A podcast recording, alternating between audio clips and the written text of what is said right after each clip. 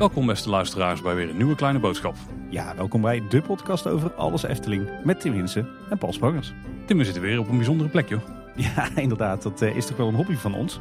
We hebben gelukkig het voorrecht dat we geregeld bij de Efteling eh, achter de schermen mogen komen of op kantoor. En dan kom je natuurlijk op eh, hele toffe plekjes, zoals bij de ontwerpafdeling of het, het Gildenhuis. Maar af en toe zijn er van die plekken waarvan je denkt van ja, het klinkt misschien in eerste instantie niet zo heel spannend, maar het lijkt me toch wel heel tof om daar een keer een kijkje achter de schermen te nemen.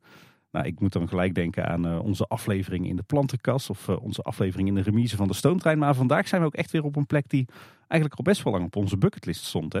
En je hebt trouwens weer een classic Tim Hinsen blouseje aan. Maar je bent toch nog op deze locatie underdressed. ja, dat is ook wel weer zo, ja.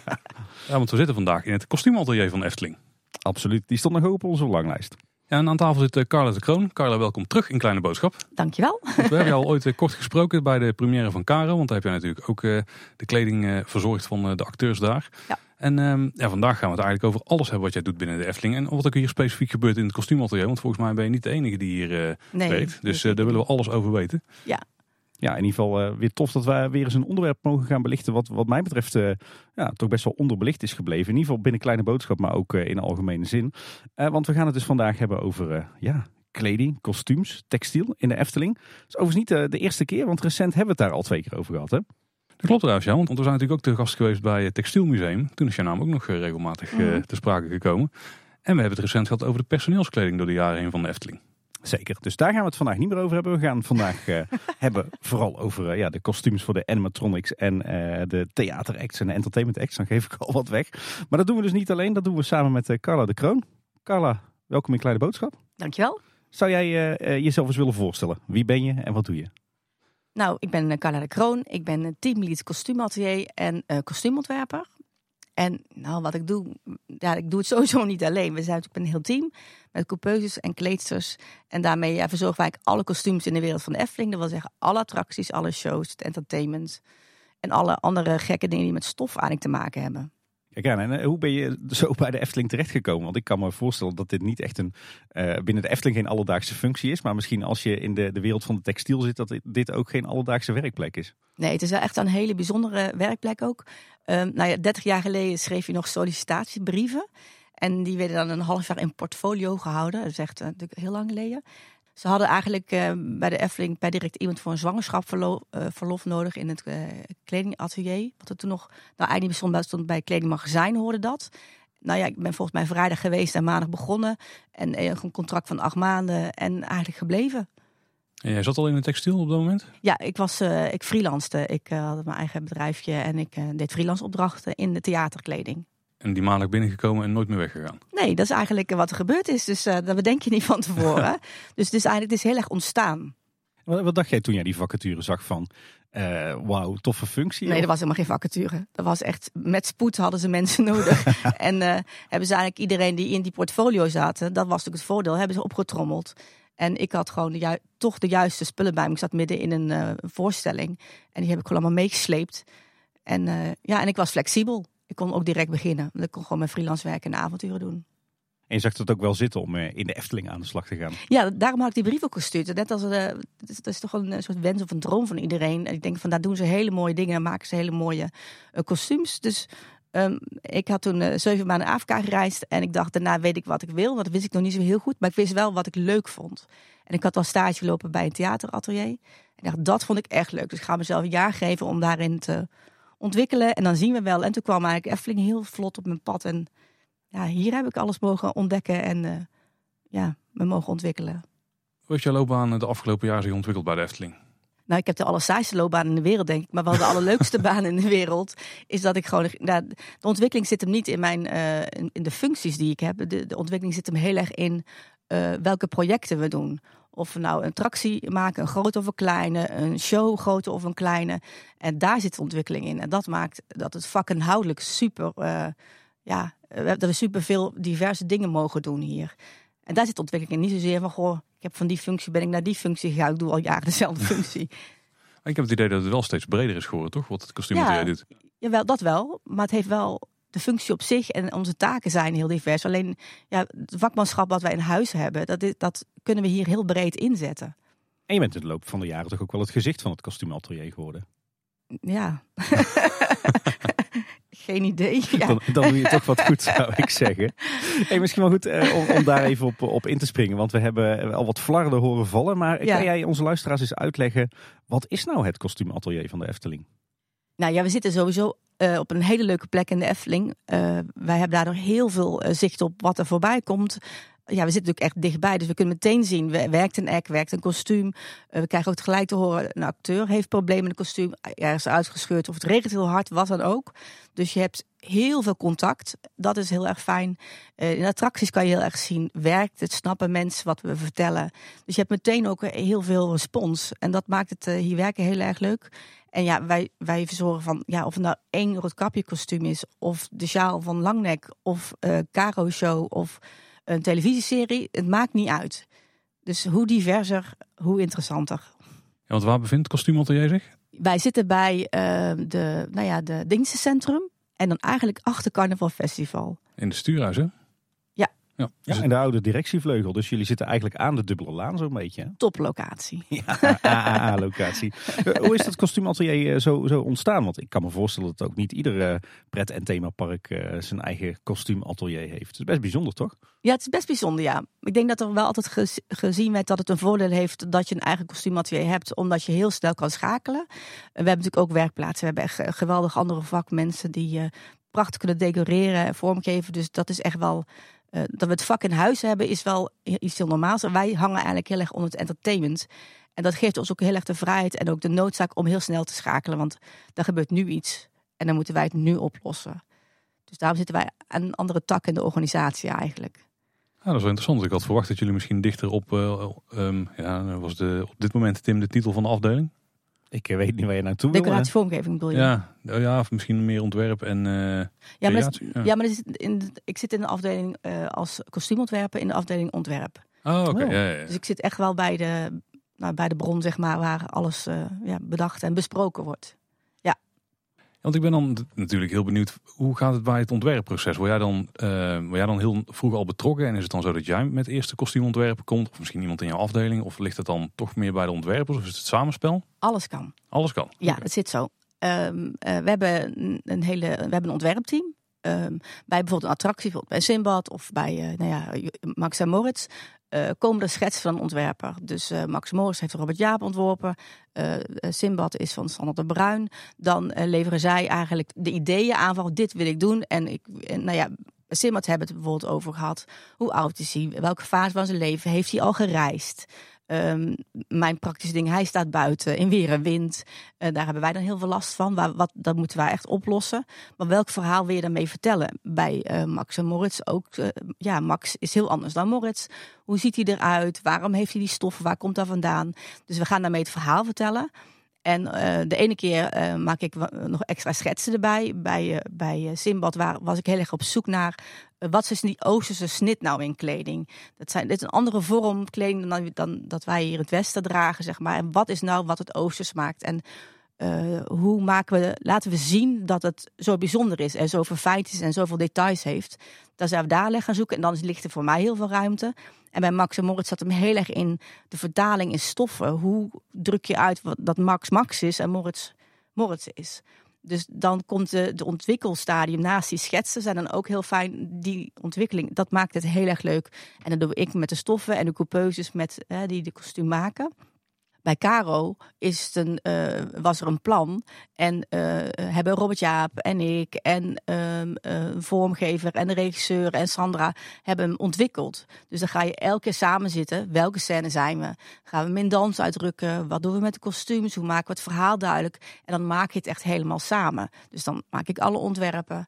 Ehm, dus het is verschillend eigenlijk. En het maakt ja, mij ook niet zo heel veel uit. Ik vind echt alles leuk. Omdat ik het ontwikkelen van eh, een kostuum van een schets naar een 3D eh. En dan ook nog die figuur is of een mens of een pop. En die mens kan een zanger zijn. En die mens kan een acrobaat zijn of een danser. Daar zitten ook nog allerlei vertalingen in. En dat maakt het eh, ja, zo, zo leuk en interessant. Dus ja, het van het begin af aan ontwikkelen is heel erg tof. Nou ja, Dans Macabre komt eraan. Dat is Jeroen Verheij, de hoofdontwerper. Dan ga je meedenken hoe kan iets eruit zien en hoe ziet het in stof uit en hoe vertellen we het in stof. En daarnaast hebben we bij DMC bijvoorbeeld ook een act buiten staan. Dus daar, de familie Charlatan zie je daar buiten lopen. Um, dat stemmen we met Jeroen af. En dan kan ik wel, daar heb ik volledige vrijheid in hoe een kostuum is. Maar het moet wel matchen met het verhaal. En dan, ja, daardoor heb ik en wel vrijheid om dingen te doen. En in stof uit te drukken, want daar zit echt een hele grote eh, verdieping in. En dat maakt het denk ik heel bijzonder wat wij hier doen. En dan is het nog een heel praktisch gedeelte. dat moet gewassen worden. Ja, dat ja, ik kan me voorstellen dat die uh, eigenschappen soms wel eens botsen. Want uh, kleding hier moet heel praktisch zijn. Want als je animatronics hebt, dan moet het ook afgenomen kunnen worden. Zodat het uh, schoongemaakt kan worden en zo. Maar misschien de, de, eigenschappen van de stof die je het liefst zou willen gebruiken, die matchen daar misschien niet mee. Clash dat wel eens? Of? Nee, je zoekt, altijd, je zoekt altijd de oplossing. En dan kan er ook heel veel. En dan zijn de beperkingen van een materiaal, is gewoon waar je dan mee dealt. Dus dat is eigenlijk juist de uitdaging om het met materiaal zo te krijgen dat je en wil, krijgt wat je wil. Of dat het op een hele andere manier uitziet. En dat het gewoon aan onze eisen voldoet. En dat is ook de ervaring natuurlijk hè, die wij in de loop van de jaren hebben gehad. Dat we ook weten wat we waarvoor moeten gebruiken. Dus ja, is dat ook niet meer zo heel erg ingewikkeld. En is het gewoon kijken, wat kunnen we hiermee en hoe lossen we het op? Ik, ik hoor wel uh, van jou, Carla, dat je bent eigenlijk veel meer dan alleen uh, heel erg sec een kostuumontwerper. Eigenlijk ben je gewoon een van de creatievelingen die in het begin van het ontwerpproces al aanschuift. Ja, ook. En ook een, een soort eigen bedrijfje met uh, offertes en planningen en, en kosten. En dat hele stukje doe ik ook, inkoop. Ja, maar dat is dan puur intern, hè? Ja, nou, in, nou ja, ik moet het ergens vandaan halen. En ik moet het regelen. Dus dat, dat vind ik ook heel leuk. Dus, dus dit, het zijn eh, verschillende petten eigenlijk. En dat vind ik zelf, dat maakt deze baan heel erg leuk. En dus die freelance achtergrond die je hebt, eh, die is toch wel heel erg nuttig geweest. Ja, sowieso. Ja. ja. Ik kan me wel voorstellen dat je dit niet allemaal in je eentje kunt. Hè? Hoe, hoe ziet het team van het kostuumatelier eruit? Um, nou, er zijn eh, vier coupeuses. Monique van Dreumel, Marije Gavenstein, uh, Marieke Hendricks en uh, Bo van Vliet. En zij maken echt al die prachtige kostuums. Um, vroeger maakte ik dingen zelf. Um, dan mag ik niet meer. Daar kunnen zij veel beter. Dus ik mag het omheen alles regelen en ik, ik maak mijn plannen. En die plannen leg ik aan een coupeuse uit en die uh, gaat ermee aan de slag. Ik zorg ook voor de stoffen. En zij denken mee van, oh deze stof is ook mooi. Of dit werkt niet leuk bedacht van je, maar dit heeft hetzelfde effect. Laat het zo doen. En daarnaast zijn er kleedsters en die zijn echt super belangrijk. Want die houden gewoon de Efteling entertainment gebeuren draaiende. We zitten nu ook in een kleedkamer en uh, we hebben elke dag entertainers staan. Van Pardoes tot uh, Roodkapje, tot uh, Caro, tot nou ja, diner Ravelijn. Maakt niet uit. Oh, Joke Jet op tour. Alle kleding moet voorbereid worden. En gewassen en gereinigd. En die zorgen dat, echt alle kleedkamers in orde zijn. Dat de kostuums in orde zijn. En dat, het, ja, dat de spelers hun wensen en ja, dingen waar zij tegenaan lopen, dat wij proberen op te lossen. En we hebben ook nog een heleboel poppen. Die, daar, ja, die zorgen we ook voor. Daar zorgt ook even de kleedsters eh, Esther de Kok. En uh, de Laatste is zeg maar, Esther is dan de poppenspecialist bij ons. Die alle poppen ja, onderhoudt en verzorgt. Want die kunnen niet praten, zeggen we altijd. Daar moeten wij voor uh, praten. Dat we echt wat, wat aardig mee om moeten worden gegaan. Of dat ze toch wel vuile handjes hebben gekregen. Dat zeggen ze niet zelf. Dus daar moeten wij voor zorgen. klinkt als een droombaan voor jou, Paul. Ja, het zijn niet de animatronics die je bedoelt, denk ik. Het zijn de handpoppen. Het zijn de poppen, ja. De Sprookjesboom, Joke en Jet, uh, de Sprookjesprokkelaar, al die uh, figuren. Ja, ja. ja. Ik, ik hoor veel bekende namen. Volgens mij heb je een team wat hier uh, al heel lang zit. Ja, ja, dat is zo. ja, dus als je gewoon een unieke baan hebt met heel veel diversiteit, dan, dan, dan blijf je toch ontzettend hangen daar. Maar het komt ook elke keer is het weer moeilijk en nieuw. En daardoor is het voor, voor een vak, en het is gewoon een vak waar wij doen, ook kleedster is een vak. Um, je ontwikkelt je steeds. En, je, en dus, ja, je hebt steeds met nieuwe mensen te maken, met nieuwe uitdagingen. dat maakt het heel erg leuk. Dus dan blijven mensen ook, uh, ja, is het team heel erg vast. Je, je had het net over uh, coupeuses. Nou ken ik dat begrip wel, uh, aangezien uh, ik ergens in de familie ook nog wat textiel verleden heb zitten. Maar dat zal lang niet voor al onze luisteraars gelden. wat is een coupeuse dan eigenlijk? Een coupeuse is degene die het kostuum maakt. Maar dat begint met maat nemen bijvoorbeeld. Want we hebben natuurlijk allerlei verschillende mensen en poppen. En daar moeten maten voor genomen worden. Dan ga je patroon tekenen. Dus dan ga je eerst de basis maken. Dus op papier plat werk je uit hoe het kostuum gaat worden. Dan gaan we een proefmodel maken. Dus dan maken we eigenlijk een neutrale stof uh, maken we een twal, of eigenlijk een mal. Dat je, dat je kan zien hoe groot is die kraag, hoe wijd is die rok. Past het bij iemand? Kan iemand doen wat hij ermee moet doen? En dan ga je hem pas in de echte stoffen maken. En eh, dat, dat proces dat kan echt weken duren. En dat is echt het vak wat we doen. Um, soms maken we iets voor één persoon, soms maken we iets voor één pop, maar soms moeten er ook vier mensen in. Dus dan moet je heel slim gaan oplossen om het uh, flexibel te maken of, een, of iets aan te passen, waardoor wel meerdere mensen in kunnen. Dus da daar, ja, dat stuk is wat de coupeuses ontwikkelen en maken en doen. En dan is van het begin tot het eind. Dus normaal, normaal is het vaak patroontekenen in zijn vak, een model maken is een vak en het uh, definitief model maken is een vak. Maar hier doen, ja, doen de coupeuses alles in één. En ik kan me indenken dat het op zoek gaan naar de juiste stoffen en de juiste... Uh, ja, passementen heten de bandjes en de kantjes. Ja, dat noem je passementen. Dat, dat dat ook al een vak apart is. Ja, dat kan ook inderdaad. Wij doen ook dat gewoon allemaal zelf. En als we het niet kunnen vinden, maken we het. Uh, Marij is daar heel goed in. De stoffen. Ja, ik denk ook gewoon in stoffen. Ik heb ook stoffen nodig. Dus je moet gewoon stof, ja, op zoek gaan naar stoffen. Die liggen in die klaar. Um, sommige stoffen laten we weven. Bijvoorbeeld het Textielmuseum. Laten we bedrukken. Laten we laseren. er moet een plan komen met stoffen. En dat is wat, wat ik ook doe. Ik denk dan ook heel erg in stoffen. En um, ja, die kan ik gewoon tegenkomen. Ook al zijn we nog niet met iets bezig, dan koop ik het ook. Ik moet gewoon stoffen verzamelen om mijn verhaal straks te kunnen maken. Want elke show en elke attractie heeft gewoon zijn eigen verhalen ook in stoffen. Ik kan me voorstellen dat op een gegeven moment het, uh, zeg maar, wat jullie kunnen produceren met de vier coupeuses, dat dat ophoudt. Ik weet niet bijvoorbeeld hoe het zit met um, Pollers Keuken. Dat is volgens mij ook, uh, ik, weet niet of dat al dan ontwerpen zijn van jullie.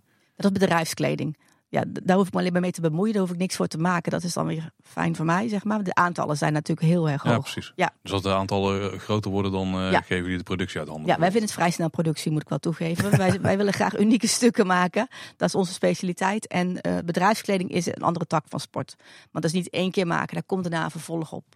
Dus dan heb je de juiste stoffen nodig. En, en die productieaantallen liggen veel hoger. Dat is echt confectie daar bemoei ik me wel mee qua wat, wat de kwaliteit van de stoffen moet zijn en, en hoe het eruit moet komen te zien. Dat doe ik meestal met Robert Jaap Jansen.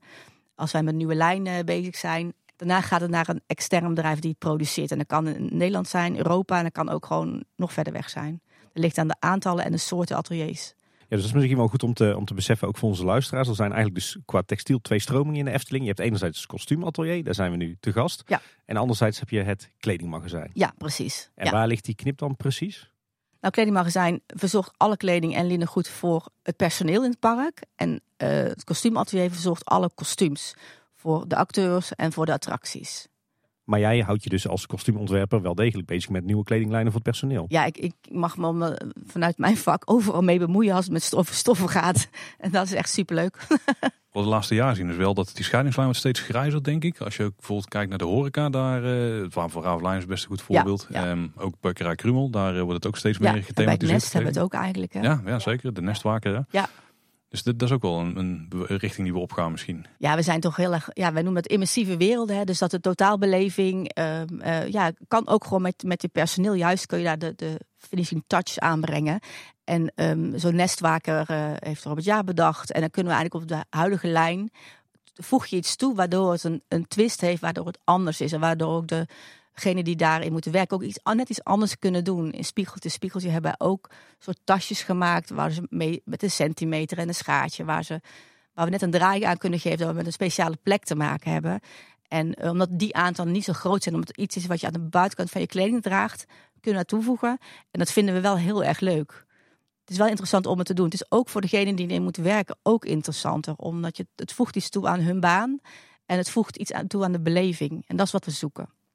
Kunnen we wel stellen dat iedere entertainer in Efteling door jullie is gekleed? Door, zeg maar dat de, de, de kledingstukken ook door jullie zijn gemaakt? Alles. Alles? Oeh. Ja. Dat is toch vrij veel? Ja, maar we zijn hier ook het hele jaar met een heel team mee bezig. Dus daar ja, is dat prima te doen. Zeker als ik dan denk aan zo'n show als Caro. Daar gaat echt enorm veel werk in zitten. Ja. Ook als ik alleen ook denk aan de, de Sprookjesbos ehm, of de, de Sprookjesboom acteurs, zeg maar. Die, daar liggen ook hele sets kostuums voor klaar, denk ik. Ja. Nou hoeven we dat niet allemaal elk jaar opnieuw te maken. Dus dat, dat scheelt. nee, dus we moeten alles, we houden dingen bij. En Karel, ja, dat is, een doorlopend proces. Daarom zijn we ook met vier mensen hier ja, de hele week mee bezig. Omdat er inderdaad uh, dan een keer weer een meneer tijd komt. Dan dat er uh, kostuums na, heel veel keer wassen zijn versleten.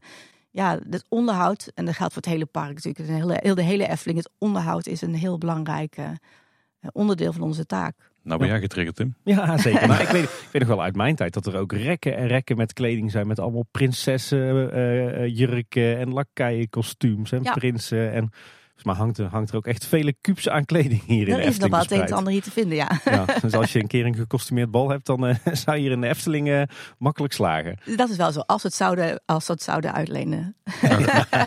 Dan ga ik wel de, de meest Tim Hinsen vraag ooit stellen, denk ik. Maar is dan ook een systeem waarbij ieder kledingstuk genummerd is en dat jullie gewoon weten van dit is de status en dit, dit staat op de lijst om vervangen te worden? Eh, alle kledingstukken zijn genummerd. Alle, alle attractiekleding is genummerd. Elke pop heeft zijn unieke nummer ook. En ehm, ja, wij hebben echt de afwijking dat we alles weten. Eh, dat we gewoon met elk lapje stof weten, oh, dit is het. Dit, is dit hoort bij die attractie. En ehm we hebben voor zeg maar, het onderhoud in het park ehm verzorgd eerste lijns. Dus degene die de attracties doen, die houden voor onze kostuums bij. Die geven signalen af, we gaan zelf kijken. Je ziet dingen die je in je handen hebt. eh, je weet hoe vaak dingen slijten. Drie eh kleine duimpjes per jaar moeten we maken. Weet je wel? Dat zijn dingen die je natuurlijk in de loop van de tijd weet. Dat, dat welke kostuums heel veel slijten. En dan heb je nog... eh, nou, we zitten in een bos. Dus we hebben te maken met eh eekhoorns, met muizen. en die houden ons ook bezig. Dus ja, je moet wat gaatjes repareren of een kostuum oplossen. Dus ja, dat is, ook- maar goed, dat is de ervaring die we hebben inmiddels. Hè? Dat we weten uit welke hoeken de verrassingen komen. En, en dat er gewoon kostuums onderhouden moeten worden en slijten. Lijkt me wel heerlijk divers jullie functie. Het gaat Ja, het alle ja. kanten op. Ja, dat is ook echt. Dat maakt het ook echt superleuk voor iedereen. Weet je eigenlijk of de Efteling altijd al een soort van kostuumatelier heeft gehad? Nou, toen ik hier kwam was er nog niet echt een eh, kledingatelier. Toen was er een kledingmagazijn en eh, er werden wel wat kostuums gemaakt. Eh, soms intern, eh, soms extern, want er is wel al veel langer entertainment. In het begin werden ook gewoon de, die acteurs of die spelers met kostuum en al gehuurd. Dat, dat regelden ze zelf. En eigenlijk sinds ik ben, is er gewoon echt een kostuumatelier ontstaan sinds de eerste sprookjesmusical in, de, ja, in het zwembad. Hè? Ja, 1996 zeg ik dan even uit Dat, mijn zou, hoofd. dat zou zomaar kunnen. Ik heb geen idee. De aller, allerleukste show ooit. Maar dat eh, is een mening. Ja, met de bos bijen. Precies. Ja. Jij, bent, jij bent hier in 1993. 93, begonnen, hè? ja. Net na Droomvlucht. Ja, ja Dromen was eh, helaas al klaar. Dus toen ik kwam, eh, waren al die hele grote attracties en Volk van Laaf en Fata Morgana, die waren er al. Ja, wij, wij kregen pas 25 jaar, 25 jaar later onze kans met eh, Symbolica. Oeh, ja. Nou, maar ik neem aan dat jullie in de tussentijd toch al aardig wat getweet Wel, maar er hebben waren allemaal kleinere, weet je. Dus die hele, zo'n hele grote jongen is dan wel echt ook heel tof. Dus die hebben we ook al mogen doen. Nou, wij, Ja. wij hebben niks tegen een eh, nieuwe Dark Ride met 180 nee, animatronics. ik, nee, ik ook Nee, niet. Ik ben maar echt voor. We- Weet jij trouwens of er überhaupt te- pret- en themaparken op de wereld zijn die dit ook helemaal in eigen huis hebben? eh, een beetje vergelijkbaar met de Efteling? Ja, Disney zeker. Disney Parijs en Disney sowieso heeft alles. En daar ben ik ook wel eens geweest. En, eh, maar daar scheiden ze alle taken. Je hebt daar een aparte hoedemaker, je aparte poppenmaker, aparte... eh, de ene doet de kostuums. ehm, en wij hebben hier het voordeel dat wij alles zelf doen. En dat, dus, dus er zijn, ja, er zijn andere ateliers ook. En bij attractieparken zeker die grote. En in Nederland weet ik het niet echt, maar de kostuumaantallen zijn hier zo hoog. Ja, Puy de Fou heeft het ook, maar dat is Frankrijk ook. Die hebben ook een eigen atelier. eh. Ik kan me voorstellen dat er ook aardig wat Die hebben hier kostuums wat kostuums, ja. worden. ja. Dat is een kostuumpark. Je vertelde net al hoe eh, het ontwerpproces er een beetje aan toe gaat. Dus eh, de, de samenwerking tussen jullie afdeling en ontwerp. Ik ben nog wel benieuwd wat dan technische eisen zijn aan, eh, om het zomaar heel plat te slaan aan kostuums. Want op animatronics dan moeten ze er afgehaald worden. Dus dan werk je heel Ja. met klittenbandsluitingen denk ik of zo. Mm, Ja, ja dat doen we met klittenbandsluiting. En sowieso een pop maken is weer een heel andere techniek. Daar begin je, kijk bij een mens weet je, heb je formules en maten, dan teken je patroon. En bij een pop begin je met, eh, de techniek is moulage, begin je op de pop met lappen stof. Omdat die, omdat die lijven natuurlijk allemaal afwijken. Een Max en een Moritz wijken echt heel erg af van een gewoon mens. Dus daar moet je beginnen met, met mouleren. Dat is eigenlijk modelleren op je, aan de buitenkant. Dus qua ja, eisen of techniek, dat is, dat is echt wel een andere techniek. En de eisen, ja, die weten we, weten we wel. Ehm buitenpoppen hebben we gewoon een speciaal materiaal voor. eh, die eh, tegen weer en wind en verkleuring kunnen. Ik zou het liefst op elk kostuum eh, ja, eigenlijk van zijde willen maken, omdat ik dat prachtige stof vind. Nou, dat kan ik dus bijna nooit gebruiken, omdat zijde zijde is. Dus je moet ook heel praktisch zijn eh, met eh, synthetische materialen buiten bijvoorbeeld. Voor acteurs gebruiken we voor de binnenkant van een jas juist meer een katoen, omdat het gewoon prettiger is om te dragen. Het moet ook natuurlijk wel draagbaar zijn. En een kostuum is af en toe al heel ingewikkeld. Het is meer inderdaad de duurzaamheid eigenlijk zoek je in een materiaal die, aan, eh, die vooral in de poppen zit. En ook eigenlijk bij, bij de spelers wel. Dus heel veel mengingen zitten erin in materiaal. Niet de kwetsbare materialen. Uh, maar soms, ja, een, een wollen sjaal heeft een hele andere look dan een synthetische sjaal. Dus dat doen we toch. Dat proberen we toch ook in het Sprookjesbos. En dat proberen we toch ook bij Langnek. Nou, daar zijn eekhoorns dan heel blij mee. Dus helaas is die er weer even af. Dus daar moeten we toch een andere oplossing voor vinden.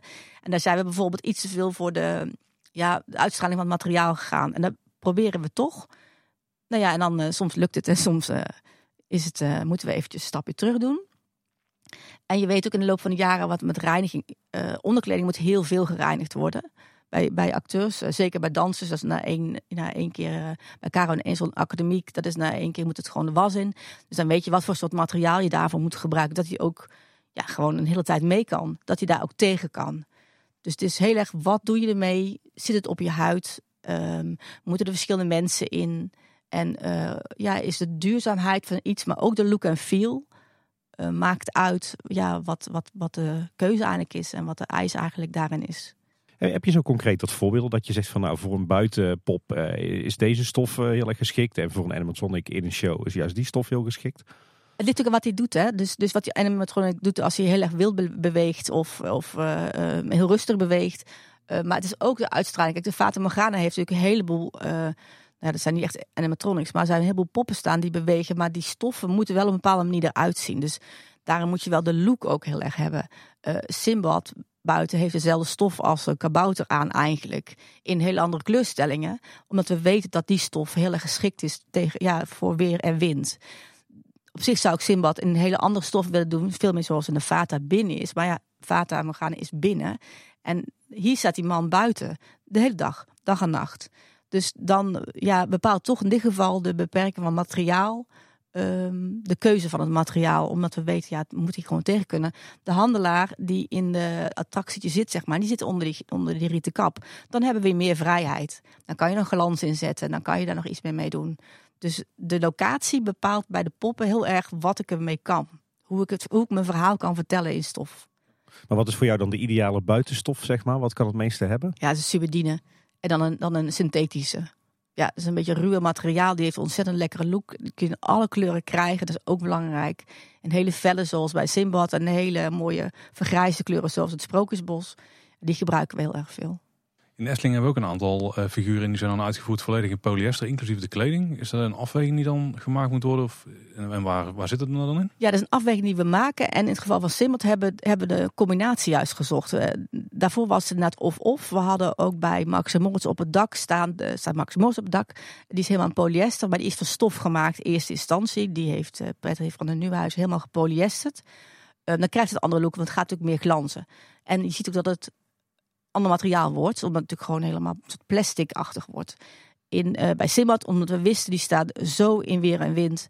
Um, en in de zon en in de regen weer. Dus daar moeten we iets vinden wat, waar we de combinatie gaan zoeken. Dus we hebben daar besloten dat de hoeden um, vormgeven werden. En de broeken ook. Behalve bij de handelaar, want die, die kunnen wij, die, die beschut. Maar je hebt de paalvisser en Simbad zijn daarom een combi geworden. Dat is eigenlijk wat het eerste wat we gedaan hebben. Want het moet er logisch uitzien. En de stof moet ook uh, matchen met het polyester. Dus de, de, de inschaduwing hebben we dan ook gecombineerd. Dus dan is het echt een samenwerking, sowieso samenwerking, maar in dit geval in kostumering tussen de, de Devo eigenlijk en uh, tussen ons.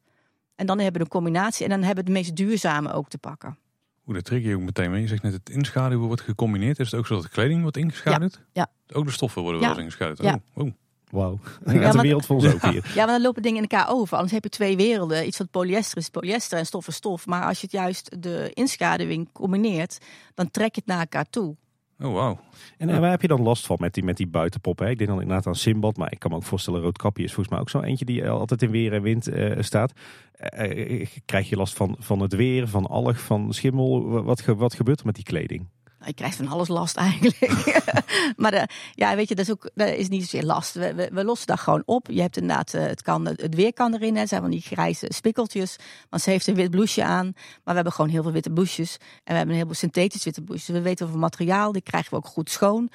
Uh, bij, bij, Roodkapje staat redelijk beschut. Op een afdakje naast een huisje in het bos. Die heeft eigenlijk nog niet zo heel veel te lijden. Maar daarom kleden we eigenlijk alle buitenpoppen in het Sprookjesbos om de zes weken tot acht weken kleden we om. Om de zes tot acht weken? Ja. Jeetje. Ja, dan wordt echt allemaal gestript en dan omgekleed. En daarom kunnen wij onze kostuums uh, in orde houden.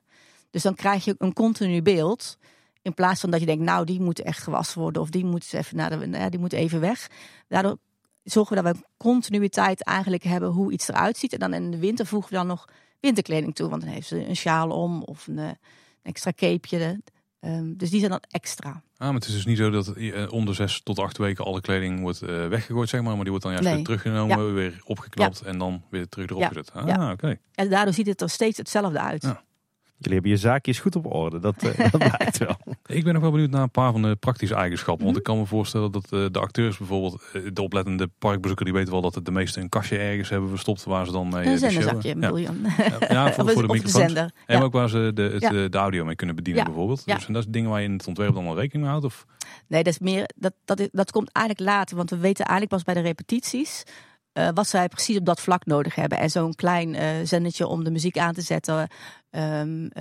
dus het moet vaak op een handige plek. En we overleggen met de spelers wat die handige plek is. En wij geven aan wat wij dan esthetisch het mooist vinden. Dat we het een beetje weg kunnen voezelen. Of dat het in een zak zit. Of dat het onder een armkap zit. En, en dan moet het ook werken. Dus dat is meer een praktisch ding wat we ja, altijd later oplossen.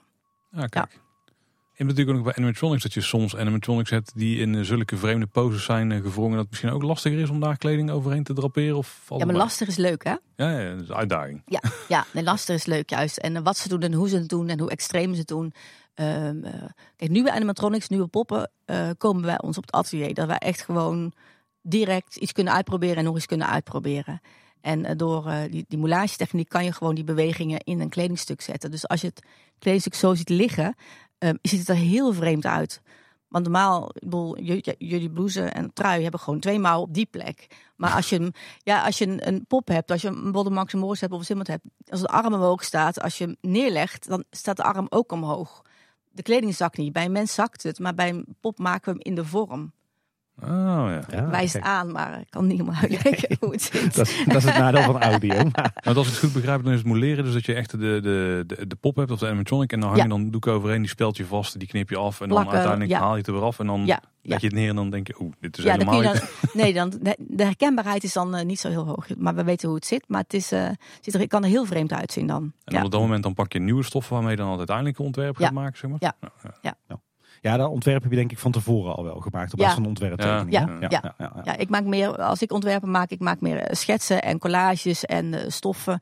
En ik, ver- ik vertel tot meer een, eh, een verhaal of een plannetje. Ik maak eigenlijk gewoon plannetjes. En is het dan zo wel dat je heel veel monsters hebt van stoffen hier in het atelier ergens? Of ga je dan toch meestal de markt op? Alles kan. Ik, heb, ik verzamel stalen. En eh, ik kan stof laten weven. Ik kan eh, stof laten laseren. Ik kan stof laten printen. En ik kan natuurlijk gewoon shoppen. Ik kan het hier om de hoek halen. En ik kan eh, naar Parijs gaan. Ehm, wat ik eigenlijk waarvoor nodig heb. En ik wil vooral. Ik vind het belangrijk dat we. Dat elke attractie en elke voorstelling heeft zijn eigen verhaal in stoffen. Dus ik heb overal iets anders voor nodig. Eh, DMC, de familie Charlotte die buiten staat voor DMC, die hebben allemaal grijs tinten. En die hebben wel een paar kleurtjes erbij zitten, maar de hoofdmoot is grijs tinten. Maar er zit dus heel veel verschil tussen grijs en grijs. Dus dan moet je toch gaan selecteren wat is nou de goede kleur grijs. En wat combineert mooi. En eh, we verven ook veel stof omdat het dan net niet helemaal de goede kleur is. Dan eh, daar kunnen we ook nog de kleuren bij elkaar trekken. Dus het komt eigenlijk overal vandaan. Oh, iemand die gordijnen liggen kan ook. Dan die, ja, we krijgen ook vrij veel spullen aangeleverd. Of mensen die iets over hebben. We hebben, we hebben een eh, stoffenopslag waar we dingen uit kunnen halen. Er zijn verschillende soorten grijs, Tim. Daar probeer Ja. ik mensen ook altijd eh, wijs te maken over mijn haren. Maar Daar, daar hebben we natuurlijk ook een film over gemaakt, geloof ik. Dat is weer een dat is ander weer verhaal. iets anders, ja. Ja, je haalt de stof dus overal vandaan. En dan ben ik meteen benieuwd, wat is dan de meest bijzondere stof die in de Efteling is toegepast? Ja, wat is bijzonder? Nou, het bijzonder is dat we dat, dat het dat het we hebben stoffen die gewoon misschien maar eh 2, 3 euro de meter kosten en stoffen die gewoon 200 euro de meter kosten. Dus het is bijzonder. Het verhaal wat je vertelt moet bijzonder worden. En eh, wij kunnen heel goed van, ja, ik denk van niets iets maken. Ehm, en het is de combinatie die bijzonder maakt. Dus ja, ik heb st- stof nodig om het bijzonder te maken, maar het is niet zo dat het de allerduurste stof per se het bijzonderste is. Het is net wat het is en hoe we ermee omgaan. Dus de stof wordt bijzonder als ik eh, mijn doel kan bereiken. Daar, dat maakt bijzonder. Dus daarom kan ik er niet één uitpikken van, goh, dat vond ik nou echt heel bijzonder. De, de, de stoffen zijn echt een middel, geen doel op zich. Zijn, Ik bedoel, er om, het verhaal, om het verhaal te vertellen. Ja, ja. er zijn er stoffen geweest waarbij je echt een eh, enorme zoektocht hebt moeten doen voordat je die had gevonden. Nee, ik, moet, ik, ik weet als ik er tegenaan loop, wat het, dat het is wat het is. Maar het- soms heeft het even tijd nodig om er tegenaan te lopen. Dat wel. Maar het is inderdaad, ehm, als, je, als ik iets in mijn hoofd heb, dan je blik op de wereld wordt een beetje anders. En dan zie je ook andere stoffen. En eh, ik ben echt ontzettend blij als ik dan ja, de stof vind. En dat, dat, die herken ik ook gelijk. Ja. Is, is het bij jou dan ook zo dat eh, dan heb je eindelijk vakantie en dan loop je misschien in een ander land en dat je dan toch weer eh, een stoffenzaak binnenloopt?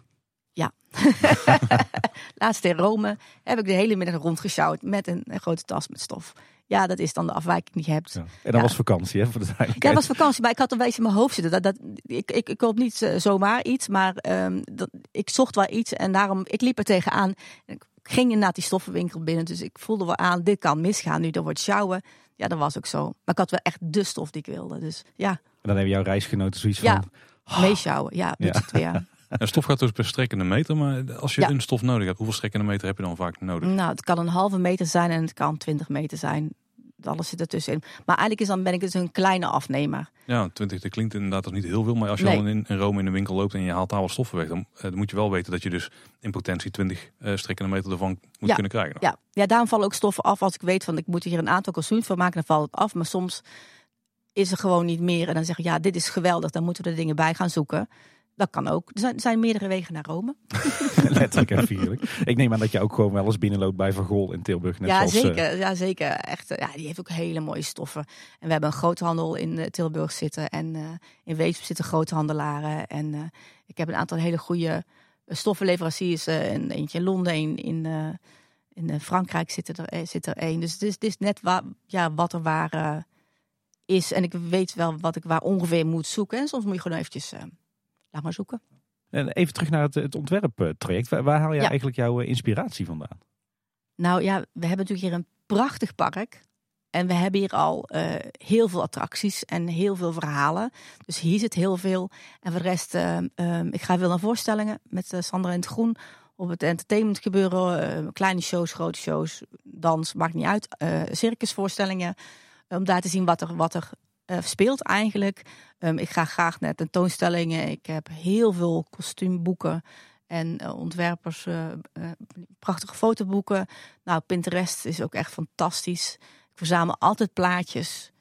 En ja, ja, ik denk stoffen.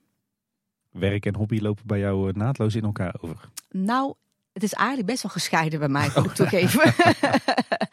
ja, nee, ik, ik kan echt eh, hier ontzettend mijn ei kwijt. En eh, thuis doe ik toch wel wat andere dingen, moet ik toegeven. Maar ik heb ook contrast nodig om het, ehm, om het goed te kunnen doen. Daar ben ik ook al lang achter. Het is fijn om niet alleen maar eh, in stoffen te denken. Dus bij mij thuis is niet zo'n hele kleurige fleurige boel of zo. Het is vrij rustig en strak. En, ehm, ehm, en hier kan ik eh, dat stukje helemaal, ja, ja, helemaal uitleven op dat vlak. Dus, eh, maar ik heb wel contrast nodig om energie te krijgen, om, om ideeën te krijgen. We hebben natuurlijk heel veel over stoffen, maar als ik hier rondkijk eh, in de ruimte waar we nu zitten, ik zie ook heel veel schoeisel staan. Ja. Ik zie riemen liggen, ik zie helmen. Ik, eh, nou, er ja, ligt hier van alles. Dus ook allemaal zaken die jullie dan meenemen. In het Ja, ja, dit is het hele plaatje. Nou ja, plus ondergoed en, en eh, sokken en onderkleding en blouse. Ehm eh, Kaatsheuvel en, en Waalwijk zijn van oorsprong echt eh, eh, schoenmakersgebied hier. Er zitten wat schoenmakersfabriekjes ja, nog wel in, eh, in Kaatsheuvel. Leer komt hier ook eh, veel vandaan. Dongen is ook een belangrijke plek daarvoor. En wij hebben gewoon een schoenmaker zitten in Kaatsheuvel die alle schoenen voor ons maakt. En daardoor hebben we de luxe. En nou ja, ik weet ook niet beter hoor. Dus voor mij is het eigenlijk heel normaal dat ik kom met mijn ontwerp of een schets of een plaatje. kan ik naar hem toe gaan. Ik kan leren uitkiezen. En zij maken gewoon fantastisch mooie schoenen. Of het nou, nou ja, we zien wat schoenen van Zang en Gelukkig staan. Of de schoenen van Pardoes of Pardijn zijn. Zij kunnen alles maken. En daarmee maak je natuurlijk een kostuum af. En daarnaast hebben we nog hoeden. Er moeten hoedenmakers zijn. Daar hebben we nog ja, riemen maken van Beers ook. Je hebt props. Het is, het het hele plaatje. Dus het is niet alleen maar het kostuum. Pruiken, make-up, ontwerp. Al die dingen komen er ook nog bij. En daar, heb je allemaal ja, daar werk ik met specialisten die dat vak... eh nou, die gewoon ontzettend vakmensen zijn. De schoenen zijn ook wel extra interessant, denk ik. Want eh, eh, misschien heel stom dit, hoor, maar als je in de winkel een t-shirt koopt, dan heb je vijf maten waar je uit kunt kiezen. Of misschien Ja. zes. Maar bij schoenen dan heb je natuurlijk tientallen. Zit daar nog slimmigheidjes in of zo? Nee, het enige slimmigheidje is inderdaad als je een, een hele lange veterschoen hebt, dat er een rits in de schoen fijn is. Dat is eigenlijk de, het meest slimme. En dan nog is het, eh, wordt de schoen binnen of buiten gedragen. Daar houden we rekening mee met de zolen. Moet er gedanst worden, heb je een gladdere zool nodig. Eh, sta je buiten, dan heb je een dikkere zool nodig. De winter heb je winterschoenen, die toch wel gevoeld zijn, warmer zijn. Want de, want de spelers die buiten staan, staan echt heel veel en heel lang buiten. En dan de zomerschoen hebben dan nog. Maar het moet nog steeds op maat. Maat 38 is een schoenmaat 38. Ja, je, je kan iemand met de maat 38 inderdaad niet een hele dag in maat 41 laten nee, lopen. Nee, nee. Dan, je moet ook goed voor de spelers zorgen. En schoenen zijn dan echt super belangrijk. Dus schoenen zijn een heel belangrijk onderdeel eigenlijk ook. Is het dan zo dat er een veelvoud aan schoenen is ten opzichte van de kostuums? Of Ja, we hebben wel qua aantallen veel meer schoenen dan kostuums. Ja, En sowieso twee natuurlijk, maar zelfs qua paren zijn ja qua paren ook. Ja, zo, ja. En ik, ik neem aan dat, dat het dan bij eh, eh, schoenen voor eh animatronics of poppen, eh, want die worden natuurlijk ook gewoon gemaakt, dat, het, dat die er misschien heel anders uitzien. Ehm, nou ja, de schoenen, eh, dat kan vormgegeven zijn. Dus het kan ook zijn dat het gewoon helemaal inderdaad eh, gewoon vormgegeven is. Of dat het echte schoenen zijn. Ja, dan moet hij om die voeten heen kunnen. En dan zit er vaak ergens nog een, een, een gat in om die pop op de grond te zetten. Ehm, dat is ook verschillend, maar dan maar werken we ook met dezelfde schoenmaker. eh. En de rode schoentjes, die komen daar dan ook vandaan. Dan moeten we ook maar eens langs, eh, Paul. Zit ik te bedenken. Dat is wel de schoenmaker met de meest bijzondere briefings eh, die, die je maar kunt krijgen als schoenmaker. Ja, je moet de schoenen hebben, die moeten dan eigenlijk ergens overheen kunnen. Dat is een heel vreemde maat. Is, ik weet niet, maat 22 en een derde. En er moet een gat in de onderkant zitten. Ja, een heel ja. groot gat. En een bloemetje erop. En, eh, ja, en doe er maar heel veel paar van. Ja, En comfortabel hoeft hij niet te zijn. Dat is ook mooi. in dat geval is wel weer handig. Ja, Ja, en ik denk dat bij de, fa- bijvoorbeeld in de Fata Morgana vrijwel iedere animatronic heeft gewoon een, eh, een paar schoenen. Ja, daar hebben de meeste hebben schoenen. En volgens mij zit er, omdat ze normale schoenmaten hebben, zijn er denk ik heel veel schoenen gekocht. Dus dat het echt originele, heel veel, heel veel materiaal komt daar uit Marokko van, vandaan. En eh dat zijn nog wel originele en die zijn gewoon ingesneden. En ehm, voor de laaf, die hebben weer heel andere voeten. Dan komt er weer zo'n schoenmaker die, eh, die, ja, die bijzondere voeten slofjes kan geven. We, we vliegen alle kanten op, Ja, zoals, ge- zoals gebruikelijk. Maar Paul, je had het net over, eh, over de briefing. Ik ben wel benieuwd. Mhm. Jij zei net, hè, jij schuift heel erg vroeg in het ontwerpproces Ja. aan. Is het dan zo dat jij eh, van, eh, van een Jeroen of een Sander eh, een A4'tje toegeschoven krijgt van dit is de schets en doe je ding? Of gaat dat meer in een brainstormachtige omgeving? Ehm, de, de ontwerpen die inderdaad eh, van het ontwerpteam komen, eigenlijk dus van, eh, van Jeroen, van, van Sander, van Robert Jaap, van Karel, dat zijn eigenlijk meer schetsen. Zij zijn, ik heb het geluk dat zij geen kostuumontwerpers zijn. Dus er blijft voor mij heel veel ruimte om het eh, te vertalen en om mee te denken in wat hun plan is en wat zij daar willen laten zien. Ja, ik zit ook in het ontwerpteam en daardoor kan ik ook vrij snel al mijn ding of mijn visie daar neerleggen. Eh, maar ik vind sowieso dat zij allemaal honderd keer mooier kunnen tekenen dan ik. Dus ik vind het heel fijn hoe zij die attractie bedenken. Zij bedenken totaal. Hè? Dus ik, ik, we moeten totaal altijd weten. Wat is het doel? Eh, eh, wat, heb, ja, wat hebben we nodig en wat willen we gaan vertellen? Ja, en ik kan me voorstellen, hè, zonder dat je dingen gaat weggeven, zo'n dans macabre is leuk. Hè? Je, het, het moet griezelig worden. Maar voor jou is het natuurlijk wel relevant of dat het verhaal in de 16e eeuw speelt of in de 20e eeuw. Ja, dus die informatie en die wereld eigenlijk, die, eh, die laat de ontwerper zien van waar die aan denkt en waar het heen moet. En voor mij sowieso met alle, eigenlijk alle dingen, we hadden het over de Vliegende Hollander iets, ehm, daar hebben we ook een making-of van gemaakt. Dus ook al zit ik niet, zitten er geen kostuums in een attractie, dat kan.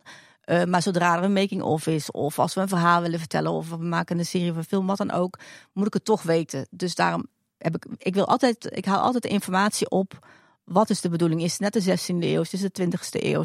Maar we zijn niet, ehm, zeg maar, kostuumwise super correct in. Het is precies de kostuum van 1850 tussen 1870. Daar, we vliegen door de eeuwen heen eigenlijk. Maar moet vooral het gevoel hebben van een periode of een sfeer die we willen uitdrukken. Ja, maar je kijkt bijvoorbeeld wel naar wat, wat, wat gebruikte Anton of wat tekende Anton Ja. Pieck voor eh, kostuums Ja. of zijn typische kalenderplaten. Ja, ja alles, hè? Alles, alles wat je aan informatie. En dat is ook wel geweldig ook om in de Efteling te werken. We hebben natuurlijk een heel erg eh, een mooi archief. We hebben heel veel informatie. Uh, Anton Pieck heeft veel getekend, Ron de Ven heeft veel getekend, Henny Knoet heeft veel getekend. Dus we gebruiken altijd, als we iets doen, ja, eh nou de basis eigenlijk. Ja, symbolica is altijd de basis. Dat heeft Henny bedacht. Um, we hebben een stijlboek van. Alle variaties die daarna in de loop van de jaren nog komen, of verhaal die je wil vertellen, je pakt altijd de basis terug. Ja, je weet precies waar een belletje moet komen te zitten. En, eh, Ja, ja, en wat het eh, in dit geval het symbolicaanse is. Wat maakt iets symbolicaans? Dat is wat we dan proberen te, te maken. Ja, ik ben wel even benieuwd naar de, de fijne kneepjes van het vak van animatronic aankleden. Ik Ja. kan me voorstellen dat je dan ook heel veel moet werken met, met klittenband, met ritsluitingen. Ja. eh, Ja, dat is de manier. Die poppen, die, daar kun je niet zeggen hop, hop, hop. Even je arm omhoog en spring uit je kleding. Wij moeten om die kleding heen werken. En eh, dan gaat bij klittenband, dan kan mijn rits zijn. Klittenband is wel echt het meest beproefde. En werkt gewoon heel goed, omdat je er omheen moet doen. En we houden altijd rekening mee. We kijken altijd, hoe staat die pop of die animatronic?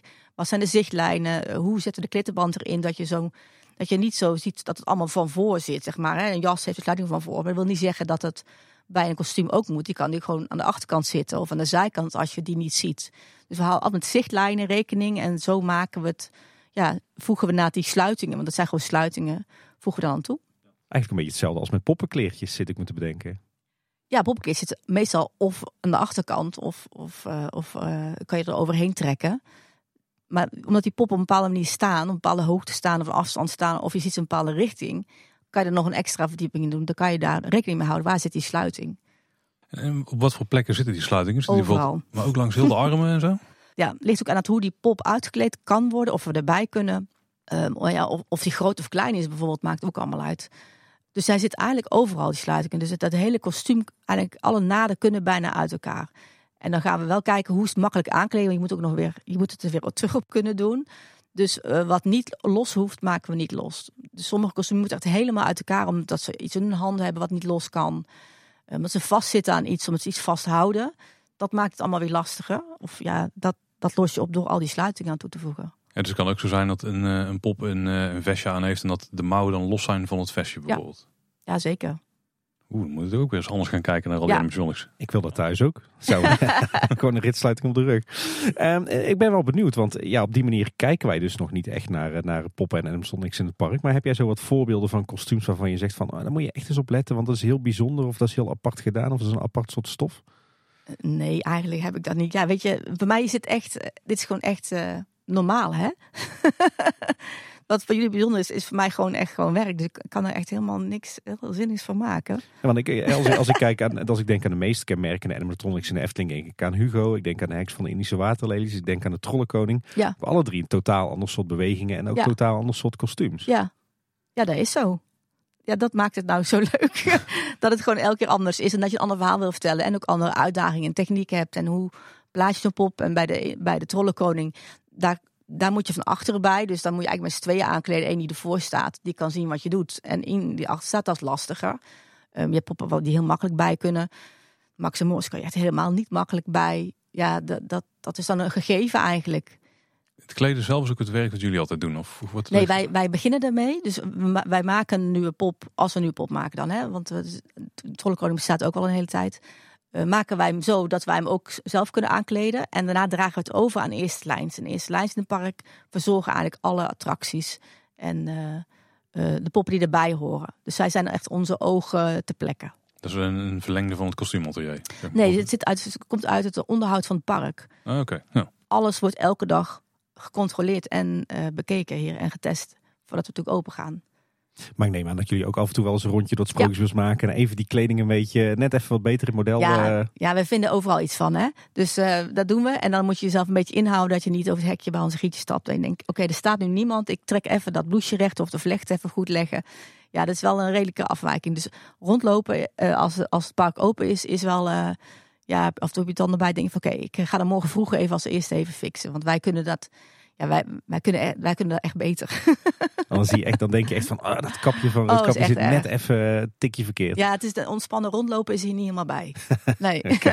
Heerlijk. Als de keer flink heeft gewaaid, dan... Ja, eh, dat bijvoorbeeld. Ja, er kan van alles aan misgaan. Dat zie je ook gelijk. Ja, bij zo'n trollenkoning heb je natuurlijk ook zo, die zit in een stoel, dus die zit daar aan Ja. vast. En die kan een klein beetje naar voren leunen, Ja. maar het grootste deel van de achterkant van zijn lichaam, ja, er, zit, er is geen lichaam, dus het is gewoon vast aan, is gewoon Ja, constructie. daar moet je omheen werken. Dus dat is gewoon volledig open eigenlijk. Is een heel vreemd kostuum denk ik, als je het Ja, zo ziet ja, ja, zo zijn er wel heel veel hoor. En nooit bestoken Maar je ziet, er, hij- je ziet hem alsof hij helemaal gewoon een, een, jurkje eigenlijk aan heeft. Ja, Hey, je had het net, eh, we hebben het al, al gehad over, het, over schoeisel en hoeden. Maar hoe zit het dan inderdaad met, met, met make-up van, eh, van poppen en animatronics? Maar ook, eh, zeker ook beharing. Dat is natuurlijk ook heel erg belangrijk. Verzorgen jullie dat ook? nou nee, dat stuk ligt heel erg bij, de, bij vormgeving. Ehm, eh, wij doen wel het onderhoud eh, van pruiken. Of we krijgen signaal, omdat wij ook voor de entertainment alle pruiken doen. Dus het, gaat een beetje over en weer. Maar als er zeg maar, een nieuwe pop wordt gemaakt, wordt dat hele stuk bij eh decoratievormgeving neergelegd. En die zetten dat in. En eh, maar bijvoorbeeld een, eh, door een roosje in het Sprookjesbos, daar hebben we, we hebben, freelance kapsers en grimeuses die elke week hier zijn om al het entertainment eh, ehm, te trainen eigenlijk ook. Dat ze hun pruik en make-up leren. In de gaten houden of ze het ook goed doen.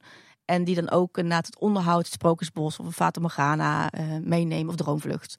Die alle krulletjes in die elva pruikjes zetten. Dus dat, dat wordt wel ook hier gedaan. Maar dat is uh, een freelance club die dat allemaal verzorgt. Ja, ik kan me voorstellen dat bij een Doornroosje bijvoorbeeld wel heel erg nauw komt. Want af en toe dan ligt ze erbij denk je, jeetje, nou is ze van Fun Fight. En dan de keer erop heeft ze weer een prachtige ja, haardracht. Ja. ja, dat heeft op een of andere manier... Uh, komt daar wel eens een muis langs, denk ik, of zo, vermoed ik. En uh, ja, die moeten dan gewoon weer opnieuw opkappen. En dan is het signaal van de eerste lijn, die moeten het zien. En wij moeten er toevallig langslopen. We checken daar wel, maar die uh, heeft wel wel te lijden. Ja, dat moet ook allemaal wel gedaan worden. En, en uh, hoofddeksels en sieraden zijn ook zaken die dan wel bij jullie zitten. Ik kan me ook voorstellen dat dat voor een deel bij decoratie en vormgeving zit. Ja, het ligt echt aan wat het is en waarvoor. Het kan vormgegeven zijn. Ja, je hebt een, een, voor het, een hoed heb je een hoedemaker nodig. En voor mensen, uh, voor acteurs zeg maar, heb je altijd verschillende hoeden nodig. Want je hebt natuurlijk een, uh, verschillende hoofdmaten. Net als verschillende schoenmaten heb je verschillende hoofdmaten. Dus dat moet je ook allemaal doen. En sieraden? Ja, sieraden hebben we ook, maar die gebruiken het liefst zo min mogelijk omdat die altijd kwijtraken en kapot gaan. Net als dus, thuis. net als thuis. Haline heeft een mooie medaillon en die moet je dan echt maken, maar dat zijn een unieke stukken. En die worden dan gewoon uh, bij decoratievormgeving ja. in polyester gemaakt. Ja, ja, want die moet je ook kunnen herhalen. Ja, ja, je hebt, we hebben het al een paar keer zijdelings gehad over het, uh, ook de, de onderhoudstaak die jullie hebben. De, ja. hoe, ziet, hoe ziet dat eruit? Hè? Want we hebben het nu natuurlijk vooral gehad over het maken van nieuwe kostuums. Maar waar bestaat jullie onderhoud uit? eigenlijk al, ja, alle attracties, elk jaar uh, doen wij onderhoud aan. Dus elk jaar wordt Droomvlucht uitgekleed. Elk jaar doen we de Fata Morgana. Elk jaar, nou ja, elk jaar zorgen we dat de attracties gedaan zijn. Alle buitenpoppen, de Simbad, Sprookjesbos, Laaf. Dan worden de binnenpoppen, zeg maar, bij Laaf en bij Sprookjesbos, de binnenpoppen één keer per jaar gedaan. En alle buitenpoppen elke zes tot acht weken. Baron elk jaar. Dus alles wat kleding te maken heeft, wordt elk jaar een keer verwisseld en opgeknapt en uh, gewassen. En, uh... de, dus jullie hebben van ieder kostuum hebben jullie ook minimaal twee versies. Want die ene keer per jaar dan, ja, je laat zo'n pop niet naakt staan. Nee, we hebben alles dubbel uh, om te kunnen wisselen. Dus dat is gewoon het meest efficiënte. We zijn zeven dagen in de week open. Vroeger waren eens een keer vijf maanden dicht. Dat is heel lang geleden. dus al het onderhoud moet of voor of daarna. Of er moet een sluiting zijn door, door dat er gepland onderhoud is. Um, maar dan nog zorgen ervoor dat je kan wisselen. Dus de attractie, de mensen die daar werken, niet te werken. Maar er wordt dan besloten, vanavond wisselen alles om. Dan is het nachtwerk van een andere afdeling. Wij zorgen dat alle kleding klaar staat en hangt. En die wordt dan of in de nacht of een avond of een ochtend omgewisseld. Ja, dus we hebben alles dubbel. En stel bijvoorbeeld uh, de baron uh, ineens een hele rare beweging maakt en die scheurt finaal uit zijn jas, dan, dan is dat het moment dat jullie zeggen van oh, hier is pak nummer twee, wissel maar snel om. Nee, dan eerst moet die rare beweging bij die baron eruit zijn. Dus hij moet eerst naar de, de elektroafdeling of hij moet eerst naar wat, wat het probleem veroorzaakt heeft. Want ik kan dan pak nummer twee erop hangen, maar als hij dan direct weer dezelfde rare beweging doet, heb ik twee pakken die, die gewoon kapot zijn. Dus het is altijd, altijd zaak, want een pop beweegt uh, ja, op een bepaalde manier en met bepaalde, met een bepaalde reden. Um, dat onderzocht wordt, wat heeft dit veroorzaakt? En dat moet opgelost zijn en dan krijgen ze pas mijn tweede kostuum. je past goed op je, op je pakjes. Zeg maar. Ja, maar het heeft geen zin, snap je? Dan kan ik er tien ophangen en dan gaan ze alle tien kapot. Dus er moet ook er moet iets opgelost worden. Heb je zo voorbeelden van kostuums dat je zegt van, oh nou, van die pop of van dat karakter eh, scheurt altijd die, die ene mouw af? Of is al, zit de slijtage altijd daar?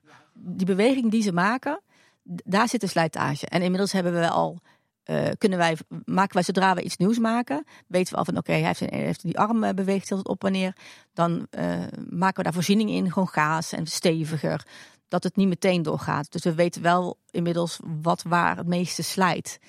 En dat voorzien we. En ja, dan nog kan er iets misgaan. Of, of, of, loopt er iets de soep in. En dan is het kostuum ook in de soep eigenlijk. Dus dan moeten we even terug naar af. Alles weer recht zetten. En ehm, kijken waar we nog beter kunnen beschermen.